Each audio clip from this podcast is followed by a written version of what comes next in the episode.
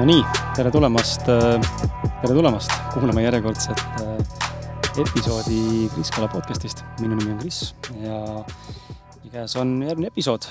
täna on mõnes mõttes erilisem episood ja, ja teistsugusem võib-olla selle koha pealt, et antud külaline, keda te kaamerast ilusti hetkel ka näete, on mul varasemalt saates juba käinud. kui ma pean täpsustama nüüd, mis see saate number on, mida ma hea meelega kohe teen ka ma ei, ju ei vaadanud seda kohe välja. Ehm, kohe teeme selle korda.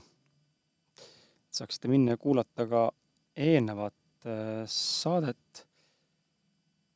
siis numbriks on kakssada viisteist ehk siis saade number kakssada viisteist. pealkirjaks on siis Irene Annusega enese kehtestamisest, väärtustest ja kuidas küsida ning saada õiglast palka seda on kuulatud peaaegu kolm pool tuhat korda muideks. ma ei tea, kas sa vaatasid numbrit mitte, aga, aga seda on kuulatud. Äh, inimestele see saade meeldis. Äh, ja ma üldse ei imesta, miks. sellest, miks jõuame täna rääkida ka. sinu enda iseloom ja oskus informatsiooni edasi anda on, on mõnes mõttes imetlusväärne ja väga tore kuulata, eriti kui on valdkond, mis täna on minu mõttes kasvamas ka. ja teistpidi jällegi on teine valdkond, milleks on siis palgatöö, eks ole, mis on lihtsalt väga aktuaalne läbi selle aja, mis hetkest need palgatööd tekkisid, on ju, nii-öelda tasu mõttes. et kuidas, kuidas inimene saaks küsida õiglast palka ja väga paljud meist ikkagi täna tööl käivad või isegi kui tööl ei käi, siis äh, ka ettevõttena või ettevõtjana äh, teenust osutades on oluline küsida siis äh, vastavat tasu oma töö eest, on ju, vastavalt väärtuse pakkumisele ja, ja vastavalt sellele, kuidas sa ennast väärtustad. Eelmises saates siis tõesti rääkisime palgatööst, keskendusime tulemuslikkuse palga läbirääkimisele ja seekord saates võtame siis fookuse ette ühele kindlale erialale, milleks on Scrum Master ja mulle küll meeldib, kuidas ise ütlesid enda koolitusel, et see on niisugune nagu võluri nimetus, vaata kuskilt maagia Harry Potteri filmist on ju. et äh, eriala Scrum Master ja, ja, või räägime sellest ametist ja püüame selgitada välja, kes võiks selles vallas edukaks osutuda ning milliseid põhimõtteid ähm, Scrum või Scrum teadmiste arsenalist on võimalik üle kanda end igapäevaellu samamoodi.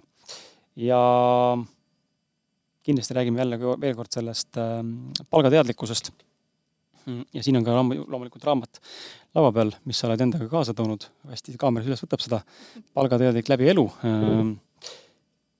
sa käisid eile, tšau ka sulle muidugi tšau, ei olegi veel tervitanud. ei olegi tervitanud, et. Äh, aga ma olen siin just, et sa käisid eile õhtusaates, õhtusaates jah ja., see eile nüüd oli siis äh, meil siin salvestame hetkel on meil äh, kakskümmend kuus, kahekümne viiendal käisid mm, -hmm. täna on kakskümmend kuus oktoober. Ähm, räägi üldiselt, äh, kuidas läks ja, ja mida võiks inimene sealt õhtusaates kaasa võtta, kui sa peaks ühe lause välja tooma, ühe mõtte?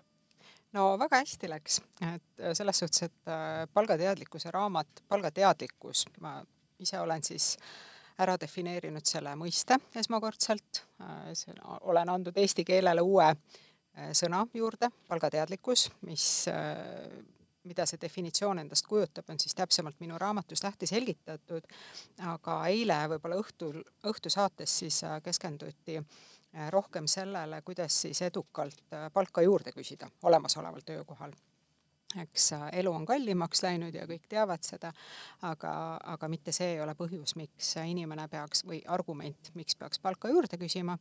ehk siis äh, tehti, tehti läbi seal õhtusaates kaks äh, stsenaariumit, kuidas siis kindlasti mitte küsida, mis on võetud minu raamatust, ja siis üks, kuidas siis oleks õige läheneda, kui sa tahad palka juurde saada päriselt, et, et noh, kõik need asjad, mida ei ole mõtet rääkida, et inflatsioon ja elu on läinud kallimaks ja ja sõbrad teenivad rohkem ja mujal palgad tõusevad, eks ole, et sellega ei ole mõtet minna isegi. ja keskenduti siis jah, et ainult sellele osale, kuidas palka juurde küsida aga tegelikult palgateadlikkus ju ise on palju laiem mõiste. Äh, palga juurde küsimine olemasoleval töökohal on ainult üks aspekt sellest, üks osa. Äh, tegelikult äh, palgateadlikkuse raamatus, käsiraamatus ma kirjeldan palgateadlikkust ikka kui tervikut töötaja ja tööandja vahelisest koostööst. et ma ei keskendu kitsalt ainult töötajale, kuidas siis edukalt kandideerida ja palka juurde küsida, vaid siin on palju infot ka äh, tööandjatele, äh, värbajatele, lapsevanematele kuidas üldse lapsevanemana mida lapsevanem võiks teha selleks, et teadlikult kasvatada enda lapsest edukas, enda väärtust teadev täiskasvanu oma karjääriteekonnal, et kõik see tuleks loomulikult. Ja kõike seda see raamat hõlmab, et olles ise olnud kõikides nendes rollides, äh, millest ma kirjutan enda raamatus, töötaja, tööotsija, äh, värbav juht, et ma olen ise nendes rollides olnud ja enda kogemusest kirjutan ka. et ta on selline ülevaatlik raamat, mida ei ole ennem Eestis välja antud aga eile jah, et, et kes soovib nagu kiiret ülevaadet, kuidas kindlasti, milliste argumentidega ei tasuks minna oma juhi juurde palka juurde küsima, et siis vaadake õhtusaadet ja seal on üks äh, soovitus ka, millele mõelda siis, kuidas edukalt seda teha. samas noh, elust enesest väga ehe näide sulle siia kõrvale, tegelikult seesama, mis sa mainisid, et ähm, noh, inflatsioon, eks ole, ja hinnad tõusnud ja, ja ma ei tea, okei okay,, sõbrad teenivad rohkem, see võib olla ei ole näide, aga need kaks tükki, eks ole, et elu on kallimaks läinud, on mõnes mõttes nagu väga valid või validaarne punkt, millele nagu tegelikult tähelepanu suunata või pöörata, sest ka minu enda kogemus oli see, et kui ma äh, ühel ametipositsioonil alustasin oma tööd, siis äh, see tasu oli nagu super hea. aga umbes aasta pooleteise pärast, kui toimus siis see suur pauk, äh, suur pauk, eks ole, on ju, kaks riiki otsustasid üksteisega sõdima hakata, siis see hakkas väga tugevalt, mingi põhjus hakkas just siis väga tugevalt ka mõni asi mõjutama, juba eelnevalt ka, aga siis ka. ja siis sellest hetkest, mingist hetkest ma nägin, et aga see tasu, mis ma siiamaani saanud olen, sellest jääb väheks. enne oli hea, täna enam ei ole hea. et mõnes mõttes ikkagi on ju validaarne punkt, aga noh, ma saan aru, et sellele ei saa otseselt suruda, sest et see ei ole tööandjast võib-olla otseselt mõjutatud öö, otsus või, või kulminatsioon, on ju. aga, aga see mõtlema paneb mind küll, et nagu mida teha siis, kui päriselt elu on lihtsalt nii palju kallinenud, kuidas siis minna nagu inimese juurde, et kuule, ma ei tule toime täpselt, just, ja täpselt sellest ma kirjutangi enda raamatus, lugege siit, et äh, miks see ei ole argument. sellepärast, et noh, just see inflatsioon ja sõda ja igasugused erinevad äh, komponendid, mis tekitavadki hinnatõusu igal pool, eks ole, elu lähebki kallimaks, nagu, sa ise ütlesid, Kris, et alguses oli väga hea palk, aga mõne aja pärast enam ei ole, eks ju, kõige, kõige selle tõttu, mis on toimunud. ja, ja tegelikult noh, minu käest karjäärinõustajana on ka küsitud väga tihti, aga et noh, on kurdetud, eks ole, et läksin palka juurde küsima, aga ei saanud, et miks ma ei saanud, ma olin aus ju. ma ütlesin, et mul on elu kallimaks läinud, ma ei saa enam hakkama et juht ei võtnud mind kuulda, et aga ma olin aus ju, et mis ma siis tegema pean, midagi nagu kokku luiskama mm. -hmm. et äh, asi ei olegi selles, et, ähm, et ei peaks aus olema, peabki olema aus, aga äh, aus äh, ole selles, mis puudutab sinu konkreetset rolli, sinu vastutust, sinu arengut, sinu väärtuspakkumist enda rollis. Need on need äh, punktid, äh, mida kasutada, mille peale ehitada oma äh, vestlus palgaläbirääkimiseks sellepärast et noh, inflatsioon on igal pool, kui sa lähed juhi juurde, ütled, et sul on elu kallimaks läinud ja sa ausalt vaatad talle silma, ütled ausalt, ma ei, ma ei tule toime enda kuludega. ja siis ta ütleb, et noh. aga ma ka ei tule. ma ka ei tule, mul on ka kallimaks läinud ja ma loen uudiseid, ma tean, et on inflatsioon. kuidas see on seotud sinu rolliga mm? -hmm. et mis on töölepinguga paika pandud, sinu tööülesanded ja vastutus. et äh, see, see on see, millest peaks rääkima, et isegi kui see ongi see põhjus, miks sa enda palgaga enam hakkama ei saa, sul on elu kallimaks läinud ja arved on suuremaks läinud, siis palgaläbirääkimine ehita üles sellele, kuidas sa pakud enda rollis väärtust, võib-olla oled vahepeal mõne koolituse läbinud erialaselt, mis aitab sul äh, paremini enda rollis toime tulla, efektiivsemalt, targemaid otsuseid teha, kiiremaid lahendusi. Äh, kõike seda tasuks rääkida. mis on sinu tänane positsioon äh, enda rollis, missugune on sinu vastutus, kuidas see on muutunud näiteks võrreldes aasta-kahe aasta taguse ajaga, mida sa oled kõike juurde õppinud, kui palju rohkem sa pakud enda rollis täna tööandjale väärtust ja selle pealt küsida palka. see, ja see ongi aus mm. -hmm. see ongi aus jah.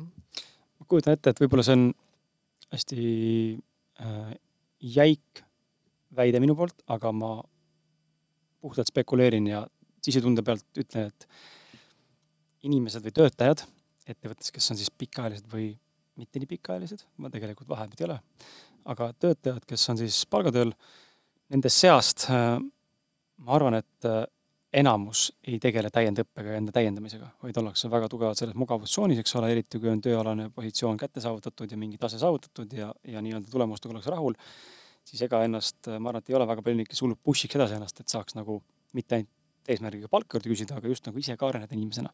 või et neid märgatakse rohkem, et näed, ta on läbinud järjekordse enesearengu palgatöölisena, on ju, väga kihvt, pakume sulle promo-, promotion'it nii-öelda, on ju, või mingit palgakõrgendust ja ametikõrgendust, on ju.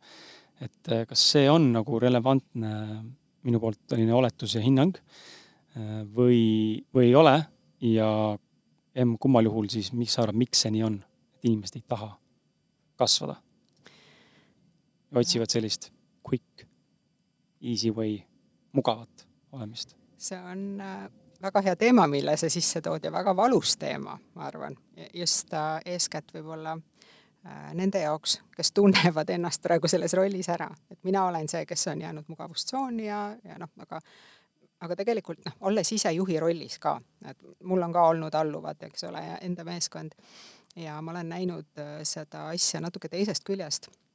Mm, mõned inimesed ongi mugavustsoonis, nagu sa ise ütlesid, et sa, mingi tase on saavutatud, eks ole, siis sa teedki äh, seda, mis sul juhend ette näeb, eks ole, sa ei taha areneda, sa ei taha kasvada äh,, aga et siis ei ole tegelikult, et siis sa ei saa olla ka rahulolematu näiteks enda palgaga, et, et miks su palk ei kasva. kui sa ise ei kasva ja ei arene, et siis ei ole siin nagu mingisugust loogikat, et sul peaks ka palka tõstma, et sa noh, nagu äh, ma võiksin tuua võib-olla selle näite ka, et kui mõnikord mm, küsitakse või kusagil tuuakse näiteid, et mu tuttava töö, töökohas, et seal tõstetakse kõikidel töötajatel võrdselt palku. et, et kõik ju teevad võrdselt oma tööd ja et, et meil võiks ka olla selline süsteem, et see oleks õiglane, et kõikidel võrdselt äh, tasu tõsta, et kõik teevad ju oma tööd. aga tegelikult, kui neid kõiki vaadata, isegi sul võib olla äh, sarnane ametinimetus aga tegelikult töötajal ja töötajal on vahe ja sellest ma kirjutan just enda raamatus värbamise ja juhtimise äh, poole pealt, et kuidas ära tunda ja eristada tegelikult äh, neid töötajaid, kes päriselt tööandjale väärtust loovad ja pakuvad. et kuid-, kuidas neid eristada, et mis see erinevus on, eks ole. ja tegelikult erinevus seisnebki selles, et on töötaja, võtame kaks sama positsiooniga, sama ametinimetusega töötajat, kaks projektijuhti üks teeb täpselt, äh, mis on töölepingus ette nähtud, teeb oma tüki ära, eks ju, äh, algusest lõpuni korrektselt, äh, aga ta ei võta lisavastutust, ta ei paku mingisuguseid ettepanekuid, kuidas seda asja targemalt, kiiremini, efektiivsemalt, kaasaegsemalt, säästlikumalt teha ja siis on teine projektijuht, kes on täpselt sama ametinimetusega, äh, tal silmad säravad, kui ta teeb seda tööd. ta pakub enda juhile mingisuguseid ideesid, kuule, ma kuulsin podcast'i, eks ole, ühes kohas tehakse niisugust asja, et proovime ka, on ju, et see aitaks meil säästa, eks ole. see asi, see ettepanek võib-olla võiks meile kliente juurde tuua. pakub ettepanekuid, viib ellu, kaasab teisi, ta loob väärtust, ta ei tee lihtsalt oma tükki ära, ta loob lisaväärtust et see ongi nende kahe inimese vahe. ja, ja, ja selge see, et töötaja, kes loob väärtust, kes ise päriselt särab enda rollis, kes tahab juurde õppida, kes äh, guugeldab, otsib, kuuleb podcast'e, loeb, kuidas maailma praktikas tehakse, mida teised oma ala spetsialistid teevad, ilmselgelt ta areneb ka ja tal ei ole probleemi üles ehitada enda äh, läbirääkimine, kui ta soovib palka juurde saada ja tavaliselt selliseid inimesi ka märgatakse ja võib-olla juht pakub ise sulle kas äh, ametikõrgendust või palka juurde või vastutust et niimoodi see tavaliselt läheb. aga miskipärast need töötajad, kes ise ei õpi juurde, ei arenda ennast, et noh, tegelikult ma ei tea, kas on tänapäeval üldse sellist valdkonda, mis, mis ei areneks, elu nagu muutub nii kiiresti. Mm, -hmm. et äh, minu meelest on väga hea ennast arendada, kuulata, äh, lugeda enda valdkonnast, õppida, et mitte ainult sellepärast, et enda rolli veel paremini täita, vaid ka sellepärast, et kasvada professionaalsel tasemel. Ja rääkimata sellest, et, et kasvada ka palga mõttes et siin ongi nende inimeste vahe. ja neid on, neid on alati igal pool. märksõnade tahaks nagu tuua siis selle vastutuse võtmise ja initsiatiivi võtmise. et julgus, julgus ja tahtmine nagu tahta näidata, et ma tahan päriselt siis teha mm. -hmm. ja see ei ole ilmtingimata alati seda või võib-olla mõni nagu klassikaliselt tahaks öelda, et aga see on ju see perse pugemine mm. -hmm. noh, aga ei ole tegelikult, seal on nagu natuke teistsugune, noh, kõvasti teine vibe, kui on see kogemisel. absoluutselt, no kuidagi jah mm,. jah, taga, taustal võib ju olla see mõte, et ma tegelikult tahan silma paista, see on ju okei okay. kuidas muidu siis juhile silma paistad, kui sa teed midagi, millega silma paistad, on see loogiline, aga aga sa ei lähe nagu selle pealt, et ma nüüd hullult tahan kuidagi, vaid ma päriselt sisimas enda, enda sees nagu tahan paista silma. sa ütlesid praegu õigesti sisimas, et, et tegelikult äh, need inimesed, kellest ma rääkisin, kes äh, fännavad oma tööd ja õpivad ja peavad arengut loomulikuks osaks ja kellel silmad säravad, kes tahavad teha seda ja on õiges positsioonis ja äh, nad, nad ei, nad ei võta ühtegi mm, tegevust ette selleks, et juhile silma paista vaid selle, sellepärast, et nad tahavad seda teha. Nad tahavad oma rolli täita parimal võimalikul viisil, nad tahavad ise seda teha, see vastutus tulebki sinu enda seest. mitte see, et sa ootad, et noh, mul ei ole seda äh, vastutust äh, töölepingus kirjas, ma ei pea seda tegema. ootad, millal juht ise annab sulle uued käsklused, et kuule, et nüüd ma ootan sult seda, seda, seda, aga selle asemel võiks nagu ise pakkuda kuule, mul tuli niisugune mõte, mul tuli selline asi, et prooviks nii. et, et mul on küll töölepingus niimoodi, aga, aga ma kuulsin sellistest efektiivsetest tehnikatest, et kas me saaksime ka proovida. et ähm, jah, et, et, et on, see on suur erinevus, kas tegemist on käsutäitjaga või, või oma ala professionaaliga. et see eristabki ja kindlasti on nendel inimestel ka erinev palganumber. räägime korra sinu äh, raamatust just selle nurga alt, et ähm, kust äh, võib-olla selline idee ja otsus kirjutada just selline üsnagi niši toode mõnes mõttes, väga kitsa, üsnagi kitsa, mitte väga kitsa, üsnagi kitsa vaatega ja fookusega ja lahendatava probleemi või kohaga. ja, ja kuidas seda üldse inimeste poolt siiani vastu võetud on? mm. -hmm. väga, väga huvitav, et sa ütlesid praegu, et see on kitsa fookusega. tegelikult kui me seda raamatut kokku panime, siis toimetaja, toimetajaga koos mõtlesime välja sellise lause, panime kokku, et see raamat on kõigile, kes töötavad või plaanivad kunagi tööle minna uh. -huh. ehk siis, ehk siis tegelikult äh, ma olen analüüsinud ka, et inimese karjääriteekond hakkab ju pihta tegelikult juba gümnaasiumist. et äh, juba gümnaasiumis kuskil kümnendas, üheteistkümnendas klassis noored kandideerivad suveks tööle uh. -huh et juba siis sa peaksid äh, oskama neid elementaarseid läbirääkimisoskusi, miks just äh, sind peaks tööle võtma, miks sa tahad siia tulla, mis sul on pakkuda. et see läbirääkimine hakkab pihta juba gümnaasiumis ja tegelikult kestab terve elu. et terve elu sa ju kuskile kandideerid tööle, küsid palka juurde, värbad kedagi, oled ise kellegi juht. et minu meelest on see hästi laiale lugejaskonnale selline palgateadlikkuse õpik, aga see mõte tuli ja koos Rahva Raamatu kirjastusega.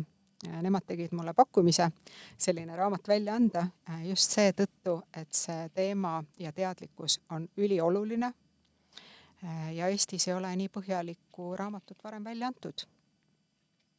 seda on vaja inimestel, sellepärast et palgateadlikkust või noh, karjääri nõustamist. Ma olen hobi korras teinud tegelikult juba viisteist aastat ja, ja sellest tuli ka mõte üldse teha lõpuks enda ettevõte, hakata koolitusi pakkuma, noh nüüd tuli see raamat välja, et ikkagist tegelikult ma näen, et selle viieteist aastaga ei ole inimestel kasvanud teadlikkus, eneseväärtustamine ega palgaläbirääkimise oskus ega ka tööle kandideerimise oskus, et kuidas siis silma jääda huvipakkuva kandidaadina, et kui sa tahad konkreetset rolli saada, kuhu sa kandideerid, eks ole, seda ei osata. ja ei osata ka enda tugevusi välja tuua, ei osata õiglast palka läbi rääkida ja sellepärast seda raamatut oligi vaja ja probleem on tegelikult selles ka, et kui ma alustasin, et kust see inimese karjääriteekond pihta hakkab, et tegelikult alates sellest, kui noored hakkavad suvel tööle kandideerima, et, et siis tegelikult selline karjääriteadlikkus ja elementaarne mitte ainult palgaläbirääkimise oskus, vaid üldse kandideerimise oskus ja kõik need läbirääkimise teadmised, et äh, seda võiks äh, õpetada juba alates gümnaasiumist või vähemalt ülikoolis võiksid olla need loengud, sellepärast et et noh, samuti kui sa õpid ülikoolis või kutsekoolis, et siis tuleb ju hakata otsima endale praktika kohta, jälle kandideerimine, meeletu konkurss, miks keegi peaks sind võtma, eks ole. praktikakohad on samuti piiratud ja, ja sealt edasi eks ole, sealt edasi seisab noor silmitsi sellega, et sul on nüüd omandatud eriala, aga see ei garanteeri sulle veel töökohta ega head palka, eks ole. jälle pead hakkama kandideerima ja läbi rääkima ja, ja veel suurem väljakutse seisneb selles, et sa kandideerid ju kogenud töötajatega, kes ka kandideerivad samale positsioonile, jällegi, miks keegi peaks sind võtma sul on küll lõpetatud äh, ülikool, aga sul ei ole töökogemust. jällegi, sa pead ennast äh, huvipakkuva kandidaadina esitleda, esitlema. Ja neid äh, teadmisi mitte kusagil ei õpetata.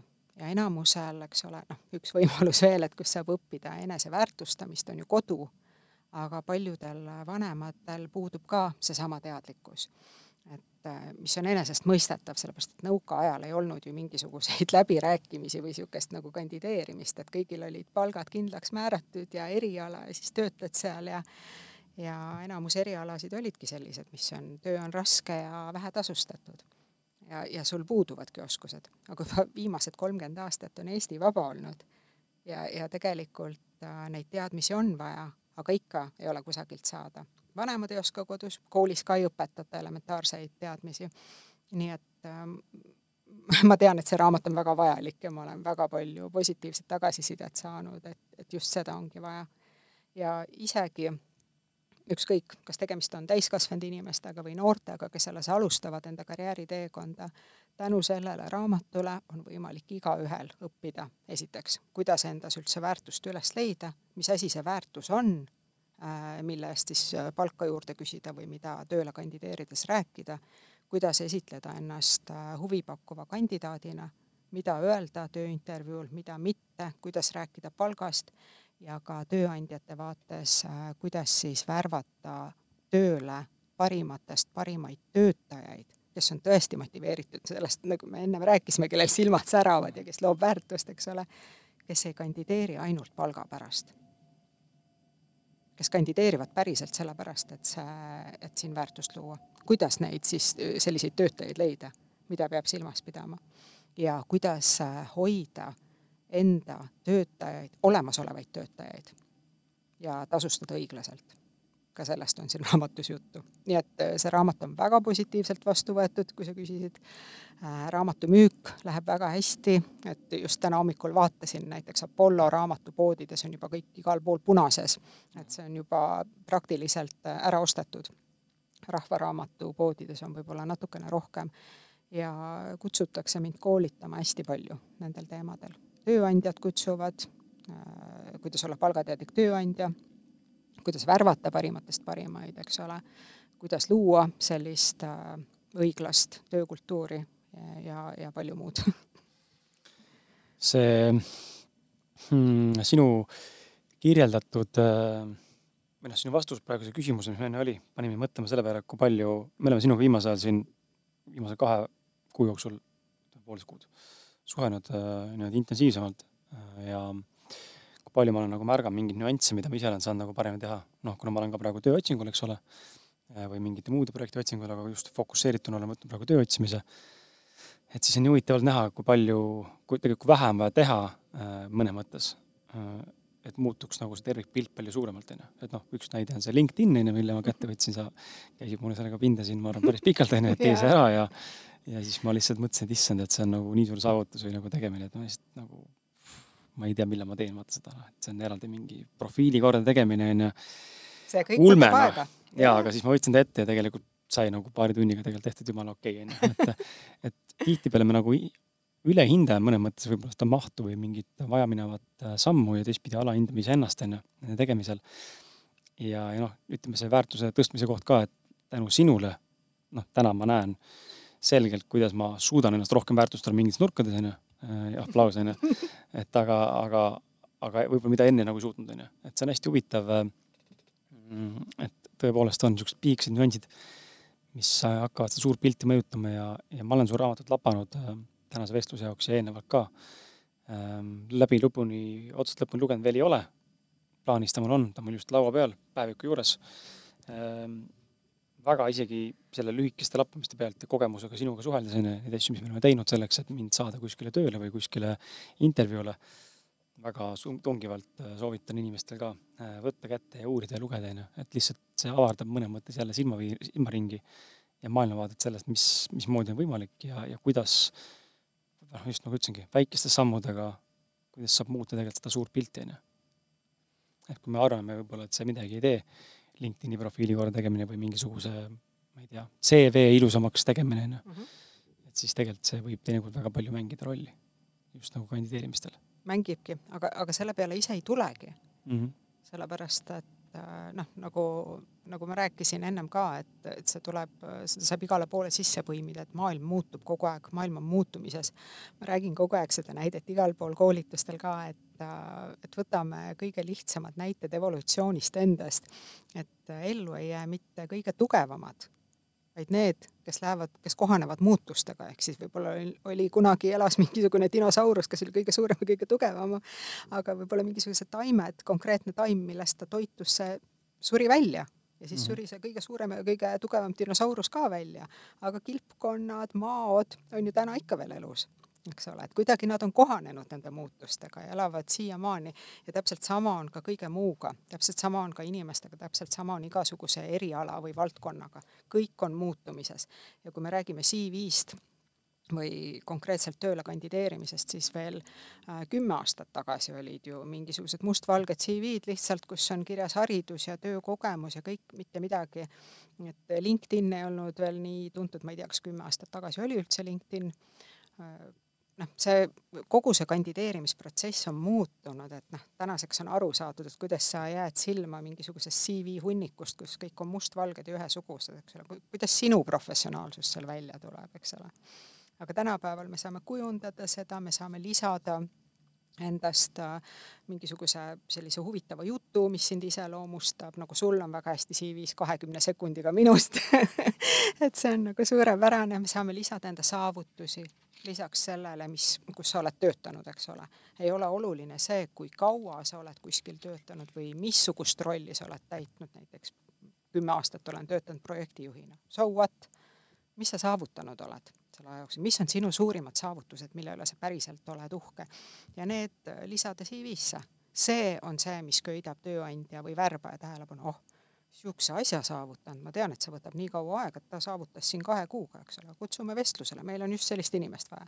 Need on need asjad, mis köidavad pilku ja LinkedIni äh, profiil samamoodi et, et jällegi nagu, nagu sa ütlesid mulle, et tänu minule sa oled äh, saanud endast ka sellise suurema pildi ette, kus sa näed ka, kus sinu väärtus välja tuleb ja sa oled paremini esil enda professionaalsusega.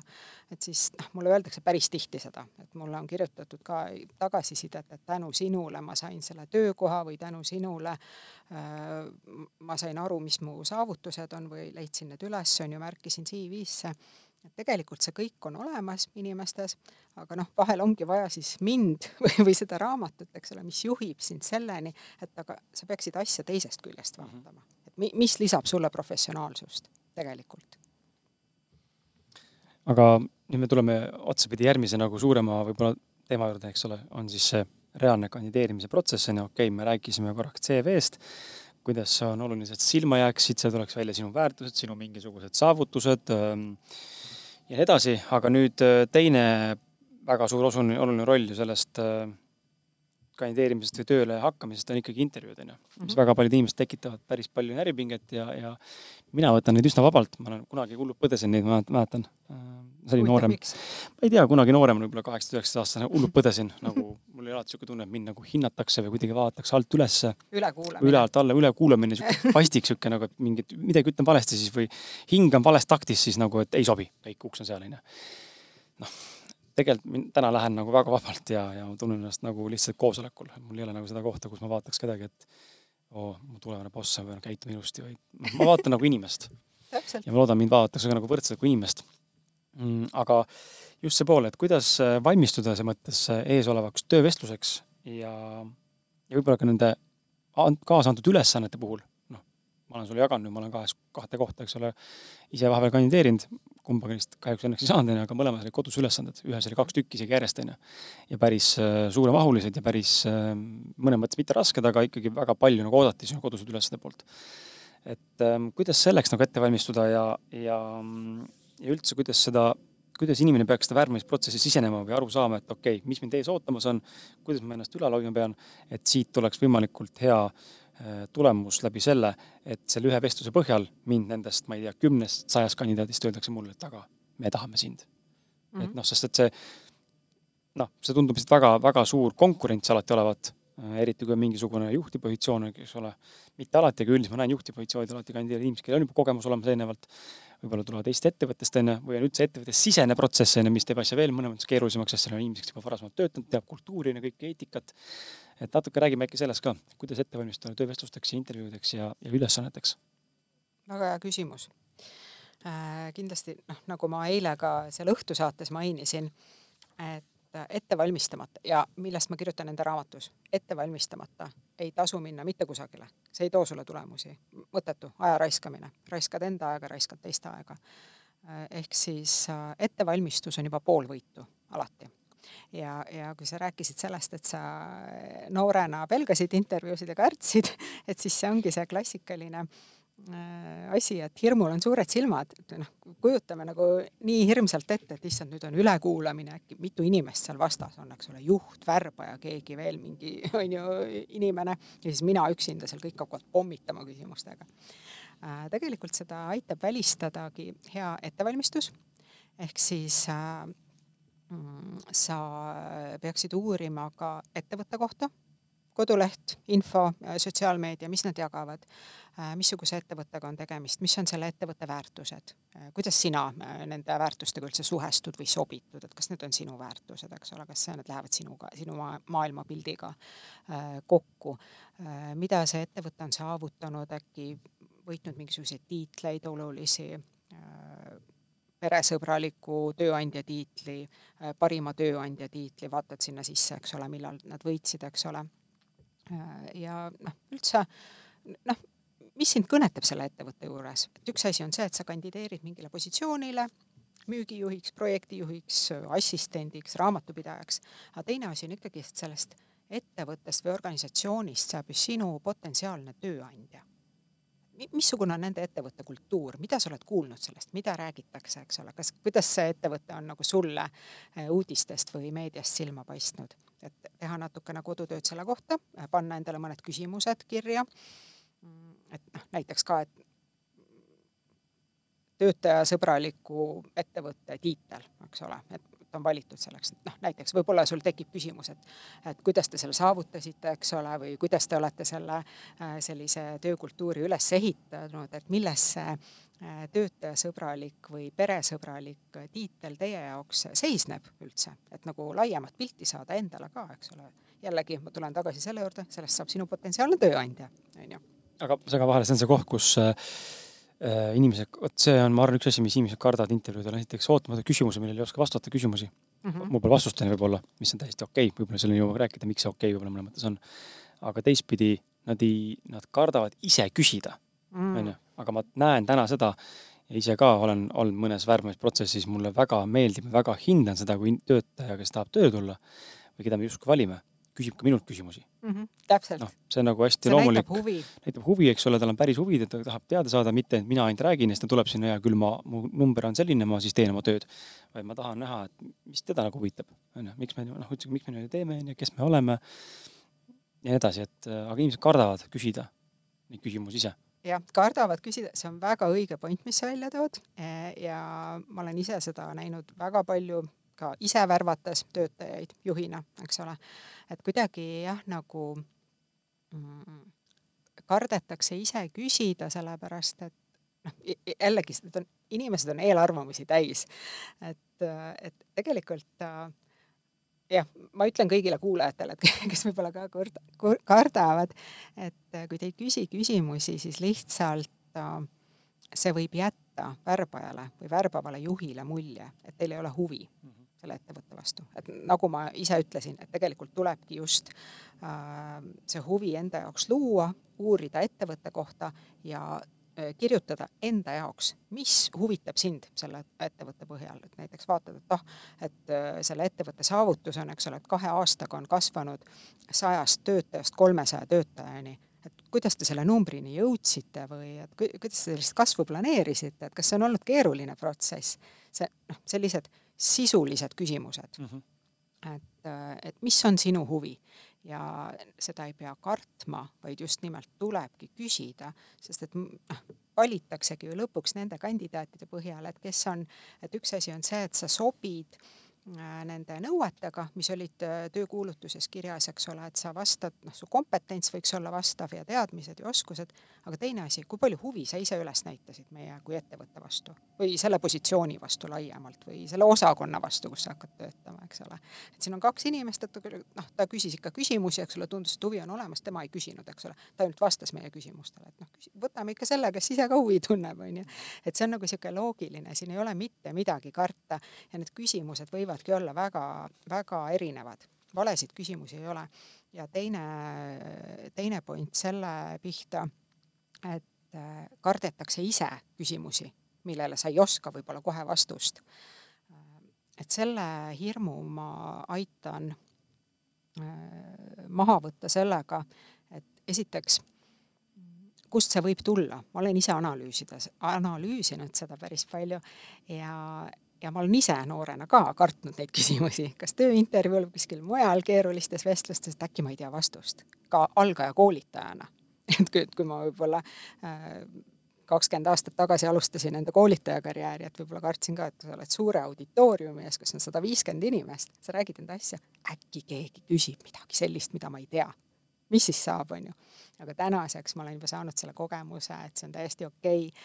ja see hirm võibki tulla sellest, et noh, võib-olla koolis oli see, et õpetaja küsib midagi, eks ole, et nii, vasta, Kris, eks ole, sa ei mhm. tõstnud kätt, et kas sa tead vastust, tead, ei tea, on ju. et siis ongi see hirm, et ma ei tea, ma saan kahe, eks ole, see, kes teab, ta sai viie, eks ole, ma ei tea. et võib-olla koolist võib-olla see, et tead, ei tea, on ju, kaks, viis, on ju. aga tegelikult päris maailmas äh, esiteks sellist reeglit ei ole kusagil olemas, et sa pead otsekohe küsimusele vastuse, vastuse andma et sa pead kõigile küsimustele vastuseid teadma, isegi oma valdkonnas, oma positsioonis, tarkvaraarendajana, juhina, projektijuhina, mitte kellelgi ei ole kõiki vastuseid. ja, ja tegelikult küsimused, küsimusi ei pea kartma, et need annavadki meile äh, mõtteainet, arengut, äh, uudishimu ja, ja kui küsitakse näiteks tööintervjuul selline küsimus, millele sa vastust ei tea, et siis saabki alati öelda, et oh, et sellist küsimust ma küll ei oodanud, et aga, aga see on väga hea äh,, väga hea suund, millele mõelda. et, et kas tohib, ma vastan sellele natuke hiljem, et võib-olla mul, ma, ma pean selle peale mõtlema, eks ole, et ma, et see on selline, et see on väga hea küsimus, millele ma tahan nagu korralikult mõelda. ja, ja isegi kui seda vastust ei tule isegi kui see intervjuu lõpeb ära, et siis saab öelda, aga vot see küsimus, eks ole, ma lähen koju ja mõtlen sellele järele, et ma saadan teile meiliga vastuse. et mm, -hmm. et lihtsalt noh, et tõesti, ma tänan teid selle küsimuse eest, et see on pannud mind väga sügavalt mõtlema. ja see on täiesti okei okay., et äh, seda ei tasu karta ja enamus küsimusi, mis küsitakse äh,, enamus küsimustele me teame vastuseid aga lihtsalt võib-olla on jällegi see hirm, et äkki mu vastus on vale mm. -hmm. ma kordan veel kord, ei ole valesid ja õigeid vastuseid. et see ei ole koolitest, see ei ole matemaatika tunnikontroll, eks ole. ärge kartke jah, see on see hirm, ma arvan jah, et see valesti vastata, et sest et kui ma vastan valesti, siis mind ei võeta tööle, onju. Mhm. et keegi teadis rohkem või, aga täna ma näen ise ka teinekord äh, isegi kui ma vastan valesti, oletame, et täitsa nagu kõige hullema näitena, vastan valesti, täiesti valesti, täiesti mööda, näitan, et ma ei tea midagi valdkonnast, onju. siis sellegipoolest on tõenäosus, ma võin selle koha ikkagi saada, sest mind õpetatakse välja, onju. et nagu see alati ei ole nii mustvalge ega nii määrav, aga loomulikult ta võib osutuda väga määravaks ka, sõltub, kes on siis teisel pool lauda, onju. aga üldiselt ma arvan, et kui sa oled väga hea ruumilugeja ja võib-olla inimeste nagu tundja või inimeste tajuja, siis minu meelest on nagu selgelt aru saada ka seal ruumis, kellega, kui familiaarsed, mis tasandil saab rääkida milliste terminitega pean rääkima, on ju. loomulikult võib-olla see on nüüd loomulik intelligents, võib-olla kõik ei suuda kohe niimoodi mõelda, aga ma usun, et väga paljud inimesed tegelikult tajuvad ära, kus saab teha mis märkuseid, mis sõnakasutust, on ju, mis tooniga vastata ja nii edasi, et eks ta on niisugune, jälle niisugune mõnes kohanemine vastavalt olukorrale jaa, aga ikkagist äh, tööintervjuu seisukohast veel ütlen nii palju, et ebamugavust noh, karta ei tasuks juba seetõttu, et äh, sind on kutsutud juba tööintervjuule selle põhjal, mis oli sinu CV-s või motivatsioonikirjas või LinkedIni profiilis, sa juba oled tekitanud huvi mm. -hmm. ehk siis sa lähed ja, ja räägid, oled valmis vastama kõigele sellele, mida sa oled enda CV-s kirjutanud, mis on sinu eelnevad töökogemused, mis on sinu nagu reaalsed saavutused. Sul, sa oskad ju sellest rääkida, sa tead seda, sa oled seda teinud ja see on üks asi, mida ei tasu karta, et sul võib-olla küsitakse täpsustavaid küsimusi. et näed, niisugune asi on ju, mis sa siin tegid, et noh, saavutus on ju, et kuidas sa täpselt seda tegid või kuidas sa selle peale tulid ja kui sa oled seda päriselt teinud, see on sinu minevik, sa räägid sellest hea meelega. kuidas sul see mõte tuli, kuidas sa selle asjani jõudsid ja tegelikult äh, ka värbava juhina ma räägin enda kogemusest et, äh, et ma võin täiesti vabalt võtta tööle inimese, äh, isegi kui ta vastas ühele küsimusele valesti või ei tea täpselt sellest valdkonnast, ma vaatan tervikpilti, kuidas see intervjuu sujus, kuidas see inimene käitus, kui aktiivne ta oli, eks ole, jälle, kui palju ta tundis minu ettevõtte vastu huvi, selle positsiooni vastu, kuidas ta rääkis kõigest muust, mida see intervjuu sisaldas. ja võib-olla see üks asi, millele ta vastas valesti, et võib-olla ütles ka, et noh, ma kandideerin sellesse rolli, ma ei tea sellest väga palju, aga võib-olla see vastus ei ole kõige parem, aga ma olen valmis õppima ja mulle pakub see väga palju huvi. eks mõnes mõttes on see selline ähm, hästi äh, haavatav ja aus ja otsekohene julge koht. aga noh, nagu öeldakse, äh, julge hundi rind on äh, rasvane või siis haavleid täis, et kui sa ei julge rääkida tegelikult, siis siis sa mängid oma võimalused ja. maha. tuleme, tuleme otsapidi, tuleme otsapidi siia, et tegelikult enne, kui lähme järgmise suurema teema juurde vaatame korra seda vaatevinklit ka, kuna ma tean, väga paljud ettevõtjad meid äh, täna siin kuulavad äh, ja väga paljud potentsiaalsed tööandjad meid kuulavad, siis korraks ka selle vaatevinkli poolt, et ähm, kuidas siis äh, õigeid inimesi leida. no räägime juba sellest staadiumist, et ta on juba laua taga mul. kuidas ma, noh, natuke me tegelikult eelmises otsuses puudutasime seda teemat, aga võib-olla veel midagi juurde tuua, et kuidas juhina märgata ära, et vot näed, see on see inimene, keda ma vajan. temas on see olemas, see, ma ei tea, pealehakkamine, initsiatiiv, eks ole Ehm, temas on see kogemus, temas on ehm, võib-olla see mm, õpihimuline toorus, on ju, et ta ei ole tegelikult veel valmis selleks valdkonnaks, aga samas tal on tohutu huvi, on ju. et ta kaalub üle kõik need vanad olijad, kes juba on mugavuse pealt asju tegemas võib-olla. et kuidas märgata juhina seda inimest, et vot näed, see on see inimene. mulle väga meeldib, kuidas, mul tuli lihtsalt praegu tuli see näide, ma kunagi vaatasin Superstaari, Eesti Superstaari saadet, kui ma olin noorem, ma elasin siis isa ja vanemate juures veel. ja mäletan, et äh, oli vist Jana Kask, niisugune laulja oli kunagi mis ta täna enam teeb, ma ei tea, aga ta saadeti minema. Mihkel Raud tundis ära, et see on see tüdruk, kelles on potentsiaal mm. -hmm. ja ta läks talle järgi. mis juhtus? Jana võitis, onju. et ja, ja neid asju juhtub. just, et kuidas, kuidas nagu juhina ära tunda seda, et, ähm, et inimene, kes on laua taga, vaatab, et oo, näe, äh, sa räägid nii hästi, kihvt oled, aga ümberringi veel paar inimest ütlevad sulle, kuule, et mm, pole see mm. -hmm. Pole see, sest sul pole piisavalt kogemust. just, ja siis sa mõtled, et kurat, aga äkki on see mm. -hmm. kuidas ära tunda seda? Mhm. ja ma võin sellest äh, rääkida, sellepärast et mul on äh, päris suur värbamiskogemus. Äh, just ise olen ka neid talente ära tundnud ja värvanud, kes on osutunud väga õigeks valikuks ja loovad väga palju väärtust. et ma tunnen need inimesed ära ja tegelikult noh, jällegi värbamise osas seda ruumi lugemisoskust on vaja, empaatiat, inimeste noh, niisugust äratundmist. et jällegi ma ütlen alati, et kõik saavad õppida äh, personalijuhtimist, kõik saavad õppida värbamist, aga tegelikult äh, inimesena sul ei pruugi olla neid äh, isiksuse omadusi, et noh, et sa nagu päriselt saad aru, et mis on selle inimese tugevus ja mis on tema tugevus.